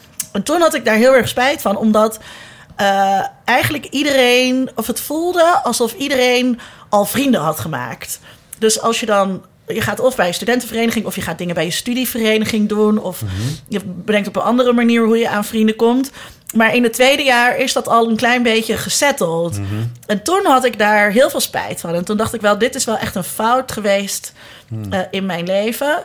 Maar als ik er nu op terugkijk, dan vind ik het helemaal niet fout. En dan ben ik heel blij dat ik die ervaring eh, heb mogen meemaken. En dat ik dat verenigingsleven heb leren kennen. En daarna maakte ik gewoon ook nieuwe vrienden, want, want dat, zo, gaat, zo gaan die Ja. dingen. En niet, helemaal niet iedereen was al verdeeld of zo, of bezet. Of, eh, nee. Dus dat kon nog wel. Maar ik heb dat echt wel een tijdje met me meegedragen als dat was, dat was een, echt een hele grote fout. Oh, oké. Ja, Ja. Nou, ik vind het wel een goed verhaal. maar, Ja. maar ik weet dus niet wat voor les ik er dan van heb geleerd. Nou, misschien heb je pas in tweede instantie de les geleerd. Namelijk dat het maken van zo'n keuze die in, eerste, die in eerste instantie goed lijkt, in tweede instantie slecht lijkt, en in derde instantie misschien toch weer niet zo slecht was. Ja, Kan je een rare les. Maar goed. Kan je ook een fout maken waar je niks van leert? Nou, ik maak dat, dat doe ik dus de hele tijd. Dus Met dan drank. drink ik heel veel. en dan, ja, en dan, dan denk ik, oh, was het ellende, waarom deed ik dit nou? Terwijl ik nu ook heel erg zit, oké, weet je wel, laat ik dan straks toch ook maar een biertje nemen. Ik had me voorgenomen dat ik Ja, niet zou gaan drinken. Ja, dat, dat, dat, eh, dat, dat, dat doe ik de hele tijd. Of dus met die mensen die ik vergeet. En Ja, daar voel ik me dan ja. kut over. Maar ja, zijn dat nou fouten? Ik weet ook niet, is het een fout als je... Als je wat, ja, wat is eigenlijk een, fout. fout? Wat is eigenlijk een Ik fout? vind die mensen vergeten. Want het is toch wel meer van... Ja, daar kan je ook niet zo heel veel aan doen. Dan had je een soort voorwerk. Dat is toch een soort... Is meer bijna systematisch dan of zo. Want als je, als je mm, een ongeluk is dat ook een fout. Als je zeg maar je autoportier opengooit en er een fietser overheen vliegt, is dat een. Dat is ook een fout, maar Ja. is ook een, maar is ook een soort dom ongeluk. Ja, dat lijkt me en wat wel leer je dan? erg. Want dat moet je niet meer doen. Ja. Ja. Dat je dan heel voorzichtig daarvan Ja, wordt. Niet zo pro prozaïs of zo. Of juist wel. eh, ik ken dat nou ook ja. niet zo goed. Moet je hier nog maar eens over nadenken. We hebben het er lang genoeg over gehad. We hebben het erover gehad. Leuk, leuk eh, theezakje. Bier. was het, Ja. Ja, Ehm, laten we toch een biertje doen? Of heb je Ja, ook toch? wijnbotten? eh, die- ja, er is, eh, er is een flesje wit. Yes! Ja, ik, weet niet of er rood Het was een is. soort kruising tussen yes en echt. Eh, we hebben...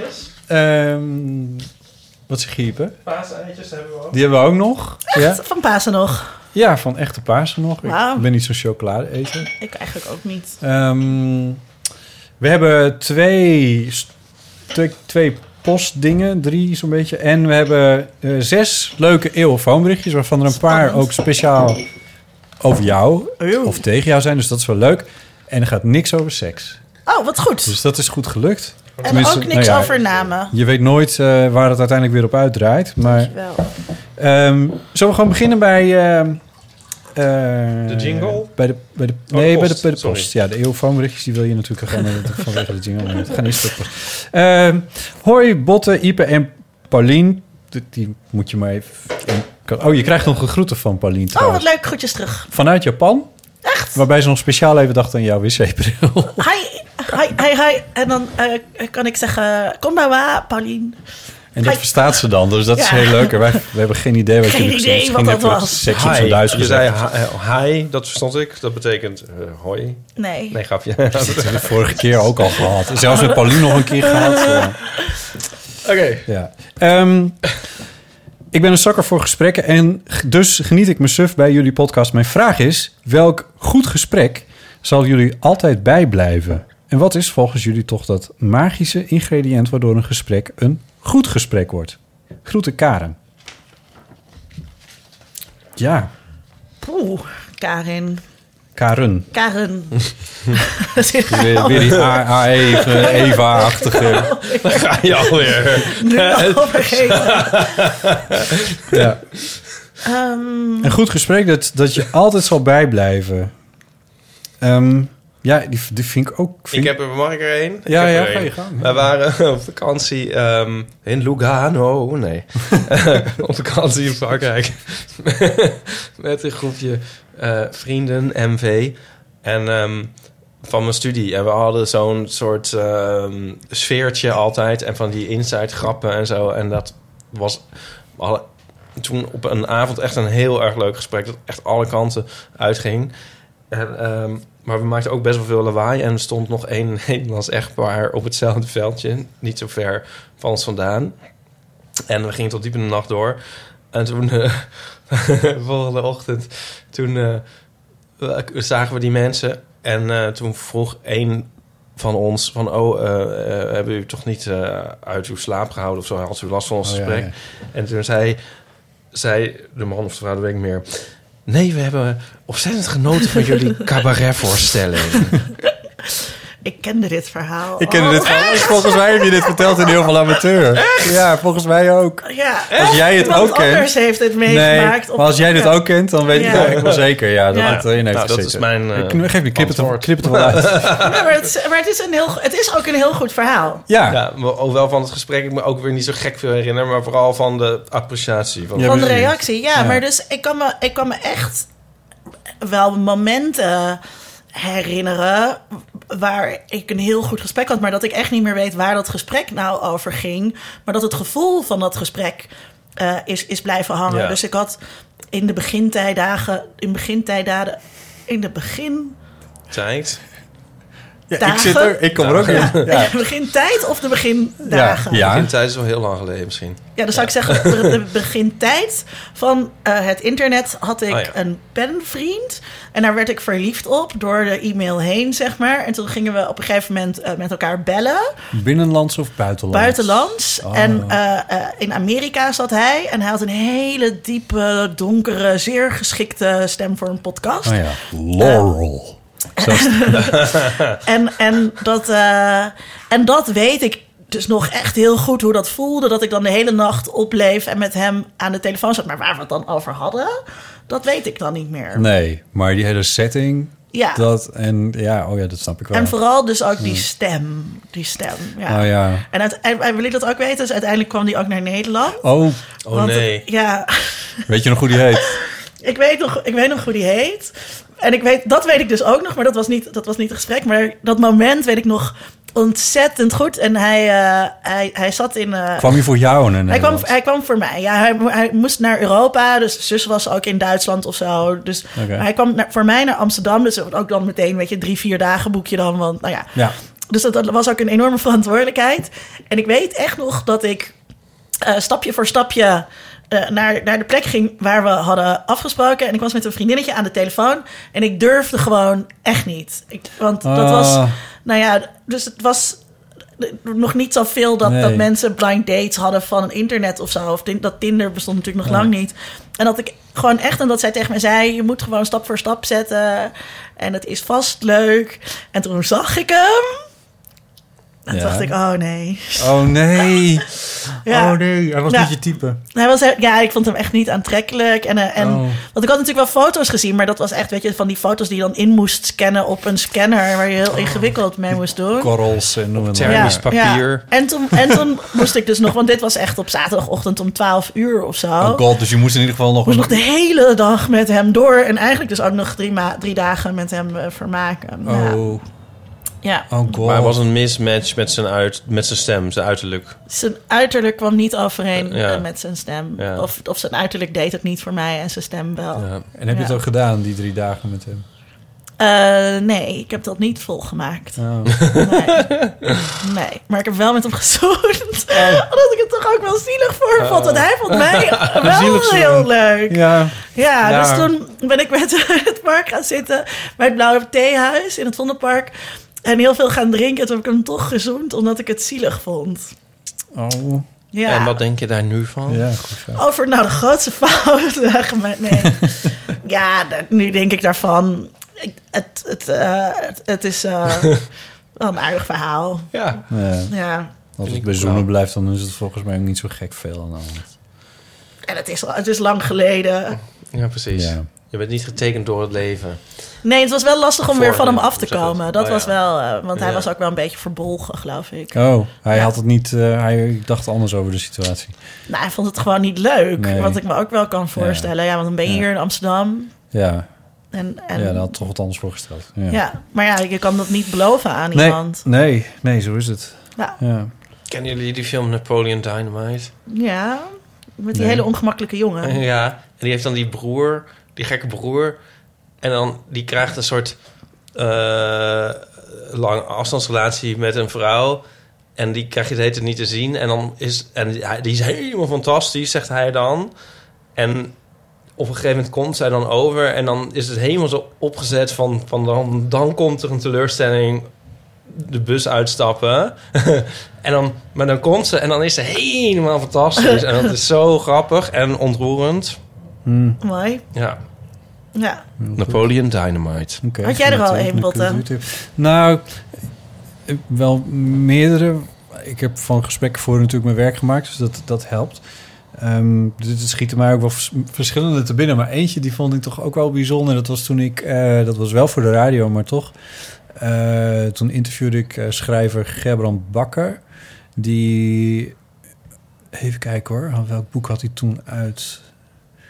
Ehm, je hebt dat boek eh, Oh, titels en ik. Het is echt vreselijk. Boven is het stil. Boven is het stil. Dat is een grote titel en daarna was er nog eentje. Juni? Was het niet juni? Ik denk het. In ieder geval, het, was het tweede boek was toen volgens mij uit. En het was... En, en beide boeken... Nou, in ieder geval, Boven is het stil speelt, speelt hij ook ergens met wel wat autobiografische gegevens. Hij komt van een boerderij ergens in Noord-Holland. En ik had met hem afgesproken, want we, we maakten toen de tijd nog een soort van lange zomeravonden gesprekken voor de radio. Echt gesprekken van drie uur. Gemonteerd en alles, dus, maar, maar wel echt drie uur. Dus je moest met aardige materiaal Drie terug. uur en dat was al een montage. Dat, ja, dat was Hè, een nee, montage. ja. wat? Hoeveel nam je dan op? Nou, hoe lang was je dan dus bezig met het monteren Moest je ook van drie het dagen bij materiaal? Gerban Bakker dan je blijven was, slapen? je was ongeveer een dag bezig met, eh, met die montage. Maar ehm, nou ja, we- nee. we- Kijk, de hele, dus er zaten wel hele stukken gewoon heel, helemaal integraal in. Dus hier komt die lengte, dat valt wel mee. Er zat ook nog muziek in. Dat was, daar ging meer de montage zitten. Dus wat nam je op? Nam je op twee uur, tweeënhalf uur of zo daarvoor? Oh, oké. Maar goed, het, eh, het moest wel zeg maar de portée hebben van drie uur. Eh, en ook zo'n spanningsboog. En dat was me, daar had ik van tevoren goed over nagedacht. En dat was me ook redelijk gelukt. En dat had ook te maken met. eh, we, we namen die niet in de studio op, maar op locatie. Dus ik had me gewoon mijn reportermicrofoon bij me. Eh, en ik had dan aan hem voorgesteld van nou, we, we kunnen op een leuke plek waar je wil, kunnen we afspreken. En dan kan we vanaf daar kunnen we wel zien. Ik heb een autootje bij me, dus dan kunnen we wel verder trekken. En toen heeft hij me uiteindelijk, een beetje aangedrongen, maar toen heeft hij me ook meegenomen naar die boerderij waar hij was opgegroeid. En toen heb ik zijn ouders ontmoet. En- Oh, wauw. en dat, heeft, dat zat allemaal in dat verhaal eh, verwerkt. En ook een, een hele specifieke plek die in het volgens mij in het tweede boek zat, maar dat weet ik niet, niet helemaal meer. Een plek uit zijn jeugd waar die, eh, waar die me mee naartoe had genomen en zo. En dat was ongepland voor hem. Dus het- jij kwam en Ja. hij vond jou zo leuk dat hij nou, jou... hij- we hadden wel afgesproken dat we die middag zouden opnemen. Dat wel. Ja, maar we niet niet waar. gaan, ja. Nee, helemaal niet. Sterker nog, dat, dat, nee, daar was ik niet eens over begonnen. Ik had wel gehoopt en ik heb het wel een beetje in die richting geduwd, maar dat lukte toen. Maar dat is best Maar wel is- bijzonder, want jij bent een journalist. Ja, En mensen zijn dan toch Ja. soms een beetje juist afschermend voor hun ja privéleven. zeker, zeker. En schrijven ze al helemaal. En, eh, maar dit, dit, dit- daarom is het me dus ook bijgebleven, omdat het me... Ja, het klinkt alsof het mijn verdienste was, maar het lukte ons, laat ik het dan zo zeggen. Het lukte Gerbrand en mij om, om zo'n band met z'n tweeën op te bouwen in dat gesprek, dat, die, dat dat tof was, dat dat leuk werd en dat dat kon op die manier. En dit gesprek kunnen we dus nog ergens... Ja, als het goed is, staat er nog gewoon in de, in de archieven ergens eh, bij de omroepen, ja. Dus Kan als je zoekt show notes? de avonden en Gerbrand Bakker, nou dan denk ik dat je dan heel veel tegenkomt. Eh, als je Gerbrand Bakker en Botte Jellema googelt, ik denk dat je, dan, dat je er dan wel komt. Nou, dat gaan we doen. op? Ja, dat gaan we doen. Dat ben ik Ja. wel heel benieuwd naar. Als we klaar je- zijn met het luisteren van deze podcast. Ja, en als je dan nog, als je dan nog toevallig drie uur over hebt, dan, eh, ja, dan moet het wel te vinden zijn. Ja, maar dat vind ik echt wel bijzonder dat het dus met een, met een, met het, dat hij. Waardoor, waardoor denk je dan dat het kwam dat hij iets in jou zag of iets voelde? Ja, de- dat laatste weet ik niet, maar het eerste dat, ehm, dat is denk ik omdat we beide van een boerderij komen. Alle- allebei ook naar de grote stad zijn getogen. Eh, allebei ook homo zijn. Er zit wel wat leeftijdsverschil tussen. Is er ook Maar- niet een soort karakterologische overeenkomst tussen? Ik denk het wel, maar ik denk dat andere mensen dat beter in het gesprek kunnen horen dan dat Daar ik ben dat ik dan kan wel horen. benieuwd naar. Het is juni, want ik zie het nu staan. Yes, dus dan had ik het goed. Ja, ja het staat achter me. Ja, ik heb die boeken, die koester ik dus ook wel een klein Ja. beetje. Want dat, eh, dat, was wel, eh, ja, dat was wel bijzonder. Maar dat boek had je dan natuurlijk daarvoor al gelezen. Ja, Maar heb je het dan daarna nog een keer gelezen en dat je dan. Dat je dan. ja dat, het een sleutelroman werd. Ja, Ja, nee, nee. dat je het helemaal tot je hoorde spreken. Ja, precies. Nou, nee, daarvoor ken ik zo'n boek dan wel goed genoeg, denk ik. Dus dat, dat heb ik niet op die manier meer gedaan. En, en het, is ook niet, het, het is ook niet de bedoeling dat het dan een sleutelroman wordt of zo. Dat is natuurlijk ook niet, niet per se de... Ja, het beeld zijn romans. Dus Ja. het, zijn, het is ook fictie en zo moet je het ook behandelen. Dan moet je het ook Ik heb dat wel als ik bijvoorbeeld fotostrips lees, omdat ik Ipe een beetje ken, dat ik wel een betere feel heb voor wat er gaat. Ja, maar dat is... lijkt wel... Ah, ik was benieuwd wat je ging zeggen. Hm? wat, wat, wat, wat? Nou, dat als je de auteur kent, dat je dan, dat dat je dan anders terug- kijkt naar het werk. Oh ja, maar ga je dan ook terug... eh, ga je dan ook oude dingen teruglezen? Oude fotostrips herlezen? Ja. Van, nee. Nee. Herlees jij wel eens wat? Ja. Ja. Wat dan? Eh, je hebt boeken van mijn echt favoriete auteurs, die herlees ik wel eens. Omdat ik dat echt heel tof... Als ik echt Ja? boeken heel tof vind, ja, dan herlees ik ze wel eens. Van... Douglas Kaplan bijvoorbeeld, dat heb ik wel meerdere keren gelezen. Ja. Ik heb de avonden geprobeerd om te herlezen, maar daar ben ik toch op, op een derde ongeveer in gestrand. Ja, Willem, Willem Frederik Hermans heb ik ook wel eens dingen herlezen. En eh, toen ik naar Algerije ging, heb ik eh, Camus gelezen. Ik heb nog nooit even Hermans herlezen, terwijl ik dat heb ik in vrij snel achter elkaar nog- allemaal gelezen. Oh, ja. En dat vond ik helemaal fantastisch toen. En dan heb ik er nooit één herlezen. En dan denk ik, waarom eigenlijk niet? Ik, en ze staan, ik torst dat wel allemaal met me mee. En heb je ze gelezen toen je Van puber huis was? naar huis. Nee. Ja, Ik heb Nooit meer slapen gelezen toen ik begon te werken voor Nooit meer slapen ja. van eh, Hermans. En dat heeft toen wel heel veel indruk op Ja, me gemaakt. is een Ik vond het echt verpletterend boek. ontzettend, eh, het is een fantastisch boek, ja. ja, dat moet ik ook weer eens herlezen. Ja. En ik, le- en ik herlees voor werk heel veel eh, boeken. Eh, dus ik, ik heb wel echt eh, auteurs die je dus voor die je aan studenten eh, opgeeft, die je dan dus keer op keer moet lezen. En dat is ook wel heel tof, omdat je dan. de- je hebt gewoon. auteurs- ik ben heel erg een Foucault-fan. En elke keer als ik. Nou, trouwens, is bij Foucault niet zo heel erg waar. Nee, ander voorbeeld. Ehm, bij Stuart Hall bijvoorbeeld, een van de grondleggers van Cultural Studies. Elke keer als ik dat lees, zie ik er iets in, snap ik iets beter wat hij bedoelt. En dat is echt wel tof. Ja. En daar ben ik dan dus ook wel benieuwd als ik dus nu dan nooit meer slapen zou herlezen. Of ik dat dan echt heel anders zou beleven Ja, maar dan dat is denk ik wel anders met, met, met, met fictie eh, dan met filosofie of non-fictie, denk ik. Ja, nou ja, oké, als je als puber... toen ik Camus, ja. zeg maar, toen ik, eh, toen ik eh, dus eh, eh, L'étranger, eh, in het Nederlands hoor, eh, eh, dus De Vreemdeling herlas en eh, De Pest. En De Pest gaat over een stad die ik op dat moment aan het bezoeken was. Ja, dat beleef je dan echt wel Ja. anders, terwijl dat wel romans zijn. Maar Camus is ook wel een heel filosofische schrijver, eh, misschien wel weer. Ja. en dat had ik misschien, dat begreep ik gewoon ook niet zo Ja. goed toen ik 16 was waarschijnlijk. Ja. Ik heb eigenlijk het enige die ik wel herlezen heb, is, zijn een paar boeken van Reven en van Vonne- Vonnegut. Maar ik moet eigenlijk, ja, daar hadden we het vorige keer ook al over. We kunnen eigenlijk wel, ik zou het ook wel fijn vinden als een, gewoon nooit meer een boek verscheen. ja, ik ook. En toch lekker overzichtelijk. En dan kan je gewoon eh, even rustig wat dingen herlezen en die je nog moest lezen en zo. En uh, houd maar op. Toch? Ja, heb je Oh, ook... sorry, behalve natuurlijk Ja, behalve natuurlijk. Seks, seks op zijn Duits. Maar heb je ook, hebben jullie ook, dit, dat zie ik hier, het is heel netjes in Bottes huis. Want Dank je. Dat, dat, is, dat weet de luisteraar denk ik ook wel. Er ligt daar wel een stapeltje Ja, nou. van dingen, maar het is niet een, het is niet een hele grote stapel. Hebben jullie dat ook thuis? Ik heb echt zo'n stapel Ja. boeken die maar Oh, groter man. wordt, Ja. wat zo'n to-do-lijst is. Ja. Dat Ja. haat ik echt. Ik haat ook naar die stapel kijken. Ja. Ja, ja. Nee, bij mij is dat stapeltje, dat is echt... Dat, ja, nou, god. Nee, Ook goed. één boek En, wat nauwelijks uit de cadeauverpakking is gehaald. Ja, dat is wel een heel verhaal. Maar Ja, dat dat-. Oh. Eh, nog, een, eh, nog een poststuk. Hoi Botte, Ipe en eh Paulien. Paulien is in dit geval een beetje een wisselbare naam. Nee, Paulinda. Paulien. Sinds een aantal weken luister ik... Het is wel een lang verhaal dit trouwens. Sinds een aantal weken luister ik met bijzonder veel plezier naar de Eeuw van de Amateur. Ik ben bij jullie terechtgekomen via de podcast Klap van de Molen. En sindsdien ben ik verslaafd. Een aantal... Nee, daar, was ik, daar zat ik dan weer in. Oh. Ja, een aantal keren per week reis ik met de trein van Nijmegen naar Utrecht. En dat is de perfecte gelegenheid om te luisteren. Nu heb ik een vraag die niet googlebaar is. Op Koninginnedag was ik op een festival waar ik een, een kennis tegenkwam. Geen vriend, maar wel iemand waar ik wel eens een praatje mee maak. Ik stapte op hem af om een gesprek aan te knopen. Ik merkte echter duidelijk aan zijn reactie dat hij daar niet op dat moment totaal geen behoefte aan had. Hij bleef vriendelijk, maar alle signalen waren daar. En ineens was ik weer 30 jaar terug in de tijd. In een periode waarin ik verschrikkelijk onzeker was en me vooral altijd en overal ongewenst voelde. Het liefst in een gat in de grond wilde verdwijnen. Inmiddels ben ik daar grotendeels echt wel overheen gegroeid, maar het gevoel was er ineens weer. Ik kon het gelukkig ook relativeren en vooral niet op mezelf betrekken, maar de sensatie was eng vertrouwd. Dus niet alleen muziek kan je terug in de tijd brengen, heb ik uit ervaring geleerd. Mijn vraag is nu of jullie dit herkennen. Dat oude onzekerheden en gevoelens die daarbij horen je ineens weer overvallen. Ik ben benieuwd wat jullie hierover denken en wellicht ervaren hebben. Hartelijke groet uit Nijmegen van Margot. Wat een mooie brief, Margot. Ja, dat vind ik ook. Heel mooi verhaal. Ja. Ja.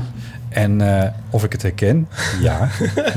ik weet ook niet of ik over al mijn eh, angsten en, eh, en onzekerheden heen gegroeid ben al nu. Dat vraag ik me sterk af.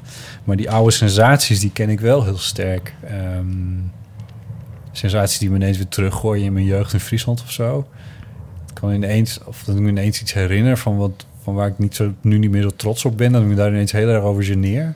Wat, soort wat triggert dat dan? Ja, dat kan van alles zijn. Dat kan van alles zijn. Maar in de familie wordt er natuurlijk wel veel getriggerd. Omdat mijn moeder heeft nog wel eens de neiging om herinneringen op te halen aan, aan, aan de jongere ik. Dan vind ik van, oh, mem, ja, moet, dit, moet dit nou? En het- ik geloof dat ik dat inmiddels vaak genoeg heb laten blijken... waardoor ze het niet, niet heel vaak meer doet. Maar- Is het niet grappig dat de, zeg maar, de herinnering aan verdriet of zo is, is niet echt verdriet. Maar de herinnering aan gêne is weer gêne. Dat is een goeie. Dat vind ik altijd heel apart. Maar is de herinnering aan verdriet geen verdriet? Nou, soms wel, maar op een, ooit... Ik vind de herinnering aan verdriet ook heel verdrietig. Ja, maar, Ja, ik kan maar ook, ooit, ooit stolt hij, zeg maar. Ja, niet sommige, sommige verdriet niet, denk ik. Maar, nee, maar dat, is dat, dat in één krimpen van gêne, dat kan, in, dat kan je ineens weer heel sterk ja, overvallen. alsof die het, sensatie alsof het dat moment weer gebeurt, zeg maar. Ja, dat is trouwens wel waar. Want als ik zo denk aan momenten dat ik wist dat ik verdrietig was... als ik daar nu aan terugdenk, dan voel ik het niet alleen maar aan heel kort geleden verdriet. Ja. Maar die gêne, maar, en vooral denk ik... eh, ik denk ook eh, dat Margot Ja? het daarover heeft, over eh, puberale eh gêne. En eh, daar, Oh, dat, zou heel goed kunnen, ja. dat je daar dan inderdaad naar terug wordt. Wat, wat natuurlijk de ergste gêne was, denk ik. Die, eh, Nou, ongewenst. Misschien de eerste gêne ook. Zich Ja. ongewenst voelen, hè? Dus ik Ja, weet niet of dat dat gêne is, maar... Ja. ik, eh, ik heb ehm, voor mijn promotieonderzoek eh, veldwerk gedaan met jonge meisjes, 11, 12, 13 jaar.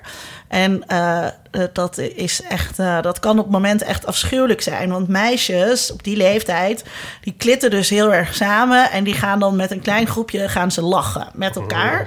En toen ik dat veldwerk aan het doen was, dacht ik de hele tijd: Oh, ik heb een snotje in mijn neus. Of er zit iets op mijn tand. Weet je, dat er dus zo dat je, je, je Ja. betrekt dat dus ook, zeg maar, toen was ik rond de 30. Ja. Betrek je dat toch weer helemaal op jezelf, Ja. zoals je dat ook kan voelen als je een Oh, pubermeisje bent. Oh ja. Wat eh, voor mij dus eigenlijk wel prettig was om die gevoelens dus te ervaren. Omdat Ja. ik onderzoek aan het doen was naar die specifieke meisjescultuur. Ja. En je daar dan, ik daar dus ook echt door dat soort echt daar naar teruggeworpen werd. Ja. Naar dat gevoel wat je dus ook kunt hebben van ik word uitgesloten. En die meisjes, die zijn daar meester in. En dat observeerde ik natuurlijk ook voor mijn proefschrift. Dus die stonden dan op het schoolplein samen. En dan echt gewoon fysiek. Bijna zodat een Ja. ander meisje er dan niet tussen kon. En die stond Ja. dan net buiten de kring. Nou ja, je ziet het helemaal voor je, zo filmisch. Nou ja, wat zo'n meisje op dat moment voelt. Nou, als ik, ik kan dat nu dus gewoon helemaal oproepen ook. Ja. Zo'n gevoel van uitsluiting. Ja. Ja. Ja, oh, dit herken ik heel erg. Ja. Ja. En misschien niet zozeer, ja, het is ook een vorm van uitsluiting. Dat ik zeg dat ik niet de populairste jongen op de middelbare school was. Ehm, ik merk, ik heb die sensaties nog wel eens. ehm, als ik in het verkeer kan dat heel sterk zijn. Ehm, als iemand me afsnijdt of, of inhaalt of ergens tussenvoegt waarvan ik denk van nu doe je mij tekort. Dan krijg ik dan, dan kan ik daar heel kan ik een heel onvergelijkbaar gevoel van krijgen wat ik herken van de middelbare school waar mensen me misschien ook niet altijd even aardig behandelden. Eh, en kan, daar kan ik heel fel van worden. Echt gevaarlijk fel, eh, ook in het verkeer. Dan kan ik ook echt dingen uithalen in het verkeer. Dat ik denk van, jongen, En dan wil je erkend slik het nou maar. Ja, gezien. de gezien worden en, en, eh, en niet de mindere zijn. En, ja, ja, ja, Ja. ja, ja. Maar wat je zegt van ik was niet de populairste jongen. Het, het, eh, wat ik, dat zeg ik als jongerenonderzoeker. Een van de treurigste dingen, misschien wel het treurigste aan de puberteit, is dat. Ehm, wat je ook heel erg krijgt trouwens als je naar echt gebeurde dagboeken eh, Mm. luistert. Mhm. Dat iedereen, al die kinderen denken allemaal van elkaar. Zij, zij hebben dat niet. Ik ben de enige die dit doormaakt. En meisjes die kletsen de hele dag. En die nooit over dit soort wezenlijke eh, zaken met elkaar. Dus het opbiechten van dat soort onzekerheden. Eh, eh, dat is ontzettend moeilijk. En dat komt pas eh, later. Ja. Dus dat ik dan. Als je erop kan reflecteren. neem ja, ik dat ik dan met oude vriendinnetjes zat, waarmee ik vroeger dacht, nou, daar deelde ik alles mee. En dat ik dat, dat bleek dat dat gewoon, dat, Niet dat zij dezelfde gevoelens hadden, waar we het dan nooit over hadden. Ja, Ipe zit te kijken naar hier ken ik helemaal niks van. Nee, maar nee, ja, jawel, juist wel. Nee, ik zat aan, aan mijn boek te denken. Gaat het hier niet ook over? Mijn aanstaande boek. Hier heb, het je, hier heb je tot op heden altijd omheen gepraat. Dus misschien is dit Is wel er een goed een boek moment. aanstaande? Was Ja, dat het geheim wat we niet mochten weten? Eén van de in ieder geval. Oh my god! ja, Nou, het is in zo aanstaande is het niet. Het is in schetsvorm eh, bestaat het. ik heb maar het is gelezen het een, en is het het is een boekboek? Is het niet een fotoboek? Nee, het is een, een, Een fotoboekboek. Wat? Ik zou zeggen, vergeet nooit meer slapen. Want dit is... eh, maar dit, nou, maar dit, ik maak er een grapje van. Maar ik heb, het, ik heb de schetsen gelezen. En het, dit- dit- als hij dit gaat realiseren, wordt het echt zo te gek. Oh, dus het is een boek in fotovorm. Dus Ja. niet... eh, eh, want normaal Ja. zeg maar, zijn jouw fotoboeken eigenlijk net als eh, Seks op z'n Duits columnbundels. Ja. Dus, dus, dus de strips die je maakt Ja. voor andere dingen, die komen daarin samen. En dit is iets wat je speciaal apart hebt eh, bedacht en, in foto's eh, vat. Ja, en, en dan, het is dus lang. En is het fictie? Nee. Is het een autobiografie? Nou, het is een soort semi... Ah, hoe, moeten we dit eigenlijk... Daar moet ik eigenlijk nog over nadenken hoe we dit verkopen.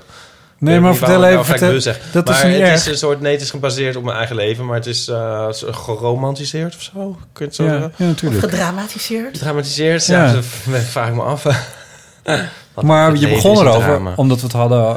Nee, het heet De Bedrieger. En het is... ehm, dat is althans de werktitel. En ehm, het gaat... Dat, de titel ontleen ik aan het imposter syndroom. Ehm, Leg het heel snel eventjes uit. ja, dus het idee dat je eigenlijk niet op je plek bent. Ehm, Dat je door de mand gaat vallen, dat, ze er mand eindelijk achterkomen dat je punt, niks kan. Ja, op punt dat...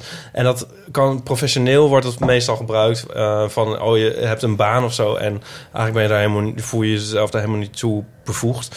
Maar so- sociaal is volgens mij dus... wat Margot dan ook heeft... kan je dat ook heel erg hebben, imposter syndrome. En eh, die bij... Eigenlijk daar gaat het meer over dan professioneel. Nou, ook professioneel. Nee, gaat ook heel, erg... Ja, die beide kanten allebei. zitten heel erg in Ja. dat boek. En het is eigenlijk iets waar ik de hele tijd mee bezig ben. dus ik herken het heel erg. Maar ik vind ook, zonder het boek te willen spoileren... ik wantrouw ook mensen die dat dan schijnbaar niet hebben. Niet omdat ik... Of eigenlijk vind ik die mensen gewoon niet leuk. Mensen die dat niet hebben, die vind ik gewoon stom. en ehm, ja... En leugenaars. Nou ja, dat weet ik niet eens. Want ik denk dat er dus wel mensen zijn. Het is nu heel erg vervat in dat verwijt dat gedaan wordt aan een soort white male cis-man privilege, weet je wel. Van, eh, die nooit ergens zich hoeven af te vragen van... eh, is dit wel voor mij en zo. Oh, dat zou ik niet om- aan elkaar koppelen. nou, ik zie, ik, ik heb dat een beetje nu in mijn hoofd gekoppeld. Maar in ieder geval, als je er op die manier over. Ik denk dus dat er wel mensen zijn die daar echt geen last van hebben van eh imposter syndrome, sociaal of professioneel. Die gewoon het allemaal heel vanzelfsprekend vinden. Dat, dus zeg maar, ik, denken jullie niet dat, dat Trump ook niet eens denkt dat hij. Dat hij, eh, dat- Ja, eh, hij- ik- denk dat hij gewoon denkt dat hij echt bevoegd is om president Maar- te zijn. Beschouw jij dat soort, dat soort mensen, zeg ik even... maar beschouw je die dan ook als een, vorm van tegenstanders of zo? Opponenten? Mm, Nee, nou, maar je, je- of dit is misschien een zelfverdedigingsmechanisme, maar ik denk dan toch ook wel van, nou ja, gelukkig, dat, hoeft, dat, dat zou ik toch ook weer niet hoeven zijn. Mhm. Ja, En- zo denk en, ik ook aan die Audi-rijders die mij claim rijden. Maar Ja, ja, maar ik denk meer van, eh, als ik zo'n brief hoor van Margot, dan sympathiseer ik wel natuurlijk meteen met haar. Je identificeert onmiddellijk met haar kant en zo. En dat, dat, daar moeten we ons maar aan vasthouden. mooi. Moeten we er nog iets anders over zeggen? Was dit een mediaprimeur? Dat, dat, de Ja, ja, ja, onthulling dit is een van primeur, het boek van ja. Driessen. Ja, Oh, meisje. Ja. ja, Ja. ja. ja. wij doen aan primeurs. Ja, nou ja, dan staat het binnenkort op mediacourant.nl. Bel eh, Robert Blokland. Mag ik nog wat vragen over het boek? Ja. Hoe ga je dat dan eh, doen? Want dus hoeveel, hoeveel frame, frames heb je nodig zeg maar, voor wat normaal één pagina tekst is? Oh ja, zo kijk ik er niet naar. Het is in s- schetsvorm is het nu een bladzijde of 200. Ja, Maar dat... En dat zijn dan ongeveer... Dat zijn dan drie stroken. Maar sommige zijn vier. Dus soms... Ik denk dat het drie worden. Dus dan wordt het weer iets meer. Maar het wordt... duizend foto's. Nee, dus nou eerder... Zeg, als het 200 keer... Als ik dat aanhoud, en dan ongeveer zes plaatjes... Zes, nou, dus 1200. Ja, wel. Dat is echt toch heel erg veel werk. Ja, ik, ik wil je niet op een verkeerd been zetten. Nou, ik, denk dat, het- ik denk dat het uitvoeren daarvan misschien het leuke het leuke is... is. Nou ja, het schetsen is natuurlijk een moeilijk proces. Daar ben je ook al heel lang mee bezig, weet ik dan. Ja, een jaar ongeveer. Nou ja, Iets langer. Het is zo'n geval van 90% in de eerste 10% van de tijd... en de laatste 10% in 90% van de tijd.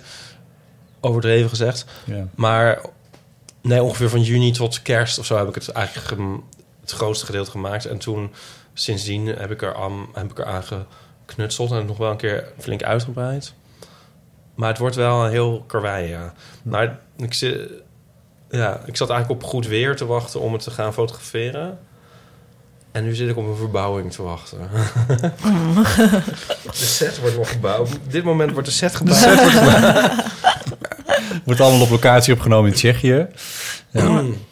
Super cool en spannend. Ja. Ja, ik hoop dat het leuk wordt. Ja, nou, Vind je het dan ook nu, want je kijkt ook wel enigszins... Ja, ik heb ook Angstig? helemaal imposter syndrome over de boek. Ja, dat kan, ik dat syndrome kan ik me over heel goed voorstellen. Ach, het is, er zitten ook alle twee kanten aan. Nee, ik vind het ook best wel geniaal eigenlijk. Het is best wel goed, hè? Potten? ja, het is, ja, ja, zeker. Ja, ja, ja, het is hartstikke goed. En ik vind dat je het ook Ja. echt aan moet... eh, Ik hoop dat het niet te goed is, want het is natuurlijk weer... ehm, ja, in wetenschapsboeken heb je dat eh, verhaal van wie is dat afkomstig? Van als er een formule in staat, zeg maar elke formule halveert het lezerspubliek. En ehm, dit is best wel... ehm, er zitten best wel veel slimmigheidjes en dingen in of zo... die misschien mensen dan weer niet... eh, het is niet een Maar die heel... zitten ook in het Donald Duck en dat Ja, weerhoudt kinderen niet waar. ervan om Nou, dat leuk laat- te vinden. Laten we het niet overdrijven met die slimmigheidjes. Het is geen heel dom plat liefdesverhaal nee, zo. dat niet, nee. Nee. nee. Maar het is, het is echt voor neurotische mensen. Ik denk dat het wel... Daar zullen er wel heel wat van zijn, denk ik. Ik is wel grappig. Ik was ooit ehm, door een uitgever gekoppeld aan een schrijver... en die ging een boek schrijven over neuroses... en dat kon ik dan illustraties of in de vorm van foto's mee maken. Toen kreeg ik het manuscript en toen dacht ik van... En jij vindt jezelf neurotisch? Het is ook nooit wat geworden. Ik- Ja. Ik dacht echt, man, ik ben echt honderd keer erger. ik, ik moest net met een, met een mede-Chinees binnen. Hij wilde Chinees eten en bestellen. Omdat je nergens alleen naartoe durft. Omdat je niet alleen naar restaurants durft en zo. Ik vind het helemaal niet erg hoor. Ik vind het juist wel grappig en leuk. En we hadden een leuk gesprek, dat ook. Ik vond het wel heel ver gaan om in je eentje een Chinees restaurant wel binnen te gaan. Anyway, wat hebben we nog voor berichten? nou, ik, heb, ik wil nog, want nu het toch over boeken gaat, wil ik, ik- wil ik ook even iets, iets pluggen. Want ehm, eerst bij jullie en misschien ook bij de luisteraar, eh, een ideetje wat, eh, wat gisteren spontaan ontstond. Toen ik met eh, Anne Janssens van Dag en Nacht Media een gesprek had. Die, eh, die zei, Transcripten van de podcast. ja, moet er niet een, eh, Niet moet er niet een boek van, van de Eeuw van de Amateur komen? Maar, maar toch niet met transcripten. Ik zou het niet integraal, dat zou heel gek zijn, denk ik. Maar wat, wat ik heel leuk zou vinden, want ik dacht ook een klein beetje aan jouw boek. Van, er zijn natuurlijk, we, we hebben bepaalde verhalen die door verschillende afleveringen gaan. En die zitten gewoon in die afleveringen. Maar als je dat nou op die manier bij elkaar zou kunnen zetten of zo, dan zou dat, en niet integraal uitschrijven, want dat is onzin. Maar dus, volgens mij zeggen we af en toe best wel leuke en interessante dingen. Een citatenboek. Ja, Sorry. een soort van show notes 2.0. Wat een grappig idee. ja. Ik vind het heel lastig, omdat ik denk dat ieder medium zijn heel medium-specifieke eh, ken- kenmerken Ja. heeft. Ehm, dus dan, eh, daarom zat ik ook zo bij Ipe. Ik moet dan heel erg schakelen in mijn hoofd hoe dan zo'n eh stripboekboek, eh fotostripboek boek eruit zou zien. Ja. En dat heb ik dan hierbij ook. ja, ik weet het ook niet, maar Ik heb wel ooit een boek gelezen met ehm, een transcriptie van Faulty Towers. ja. En ehm, de laatste had ik nog nooit in het echt gezien. En toen las ik die en toen eh, heb ik echt gehuild van het lachen. Ja, ik heb een boek van Simon Amstel gelezen. wat ongeveer een transcriptie is van zijn ja. cabaretshow. Ja. Dat het dan nog grappiger is als je het leest. Nou, dat was minder grappig als je het leest, maar het, maar het raakte me wel meer. Omdat, het, omdat hij in de zaal natuurlijk... Dat is leuk, want Johan Goossens had het hier ook over. Die was, ook, was hier ook de gast, ook cabaretier. En die, die zegt van, met de zaal heb je dan toch een soort afspraak. Je zegt iets heel grofs en dan de zaal lacht er dan om en dan heb je het ontladen. Ja. En bij Simon Amstel was het... merkte ik dat hij ook de, de, de, de, de shock bij zijn publiek af en toe opzocht. En dan werd er om gelachen en dan was het ontladen. En in het boek heb je dat natuurlijk niet. Ik heb dat dus met, met columns. eh, dus dan schrijf ik iets en dan eh, kan ik soms wel met mezelf in mijn sas zijn. Dat ik iets op heb geschreven. Dat ik Ja. denk, nou, dit is, weet je, dit is een leuk woord, grapje. Of dit Ja, is wel een aardige zin of zo. Je weet nooit hoe dat aankomt. En vorige week op mijn boekpresentatie ging ik een van mijn columns voorlezen. Of ik ging twee voorlezen.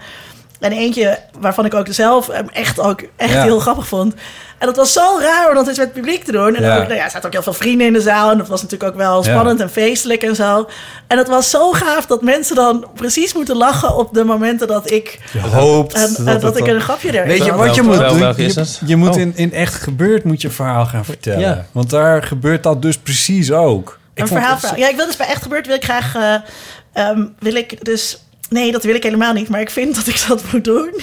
Ik heb daar een enorme angst voor. Ik sta het al heel lang uit. Maar Pauline heeft me echt al lang geleden gevraagd: van, wil jij niet uit je puber, puberdagboek voorlezen? Die heb ik natuurlijk. Ja, En toen ja. zei ik, ja, maar, en dat, is dus heel, dat vind ik dus heel gênant, dat ze in het Engels zijn. en toen was Pauline er ook een beetje, nee, maar dat, is, dat alleen al is, Ja. is natuurlijk heel eh, leuk. Dus ik ben dat nu, ik ben dat heel erg eh, voor me aan het uit, uit, eh, scha- Ja, bij deze beginnen we een campagne dat jij in echt gebeurt je, uit je puberdagboek moet voorlezen. Dat zou echt Ik vind helemaal dat ook. zijn.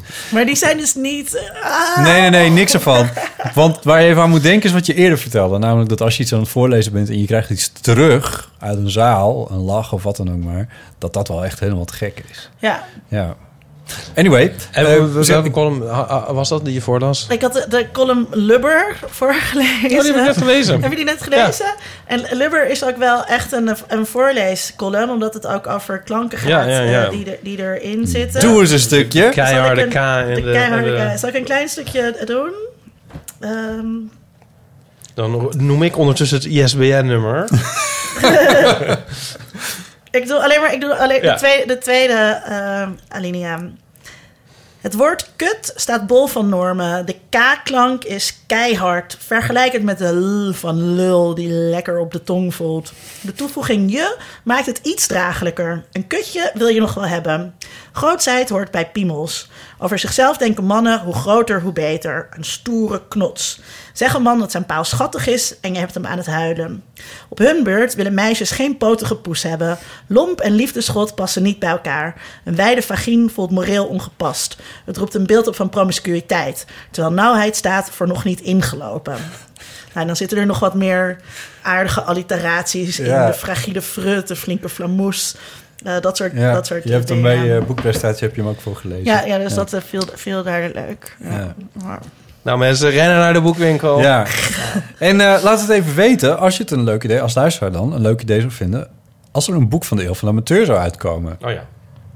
Eh, mail naar botten.eeuwvanamateur.nl Of als je ideeën hebt over hoe je dan die rode draden van de Ja. afleveringen zou kunnen vatten in Ja. En moeten, daar, dan- en moeten daar dan ook niet leuke puzzels in? En, en strips en foto's? Ik en, vind eh, eigenlijk- En zou ik het heel- uitvouwzakjes, thee. Ja, Ja, en uh, daar kun je wel iets heel leuks van maken. En, en eh, inderdaad een fotostrip. Zou ik Ja. ook wel heel graag in willen. En, en eh, En tekeningen van Paulien, ja. als ze dat wil. Ik durf niks aan haar te vragen, want mensen hebben het ongelooflijk druk. Dat mens. Ja, maar die vliegt maar over de wereld alsof het niks is. Ze zit nu weer Maar in dat heb je Japan. met tv-celebrities, toch? Ja, man, ja, ja, ja, ja. Maar ik vind dat knap hoor. Ik, ik bedoel, ik word al moe als ik. Nou ja, anyway. Het, maar eh, wie het leuk, want ik moet er wel even weten of er een markt voor is. Dat is wel belangrijk. Ja, is dat belangrijk? Nou ja, een beetje wel. Als je er maar tien verkoopt, is het ook een beetje lullig. Ja. Maar als er nou een aantal mensen, als er nou tien mensen enthousiast reageren, dan denk ik al van, nou, Dan kan je daar al wel mee naar de uitgever. Of zou dag en nacht dat dan ook wel willen doen? ja, misschien wel, ja. Ze hebben zij natuurlijk ook goede toch met het idee? met uh, Das Mag. Anne kwam met het idee. Ik, Ja. eh, oeh, dat is een goeie, ja. Ja. Nou, Pauline heeft zelf een uitgeverijtje. Ja. Nou nee, dat gaan we niet van haar vragen. Dat zou Oh, ik dacht dat het een, eh, ik dacht dat het een eh, voorstel was van Anne, zeg maar. Ja, nou, hij wou, het in- hij, hij, wou, hij wou alle mp3's door een transcribeerprogramma ja, halen. dat kan heel goed. Ja, dat zei hij ook, ja. Ja, tuurlijk kan dat. Hij zei, het- enige wat niet zo goed werkt is als er mensen door elkaar gaan praten. Dus dan kun je eigenlijk de hele eeuw van amateur wel. Nee, dat is onzin. Het kan heel goed en dan moet, je, eh, moet een stagiair even doorheen. Even stagiair. even. En dan moet er even een flinke redactie op Waar komt die stagiair te zitten? Is het een... eh, in eh, de pijp. Nee, de Jordaan. is het een... eh, is dat, kan dat een jonge man zijn? De eeuwofoon.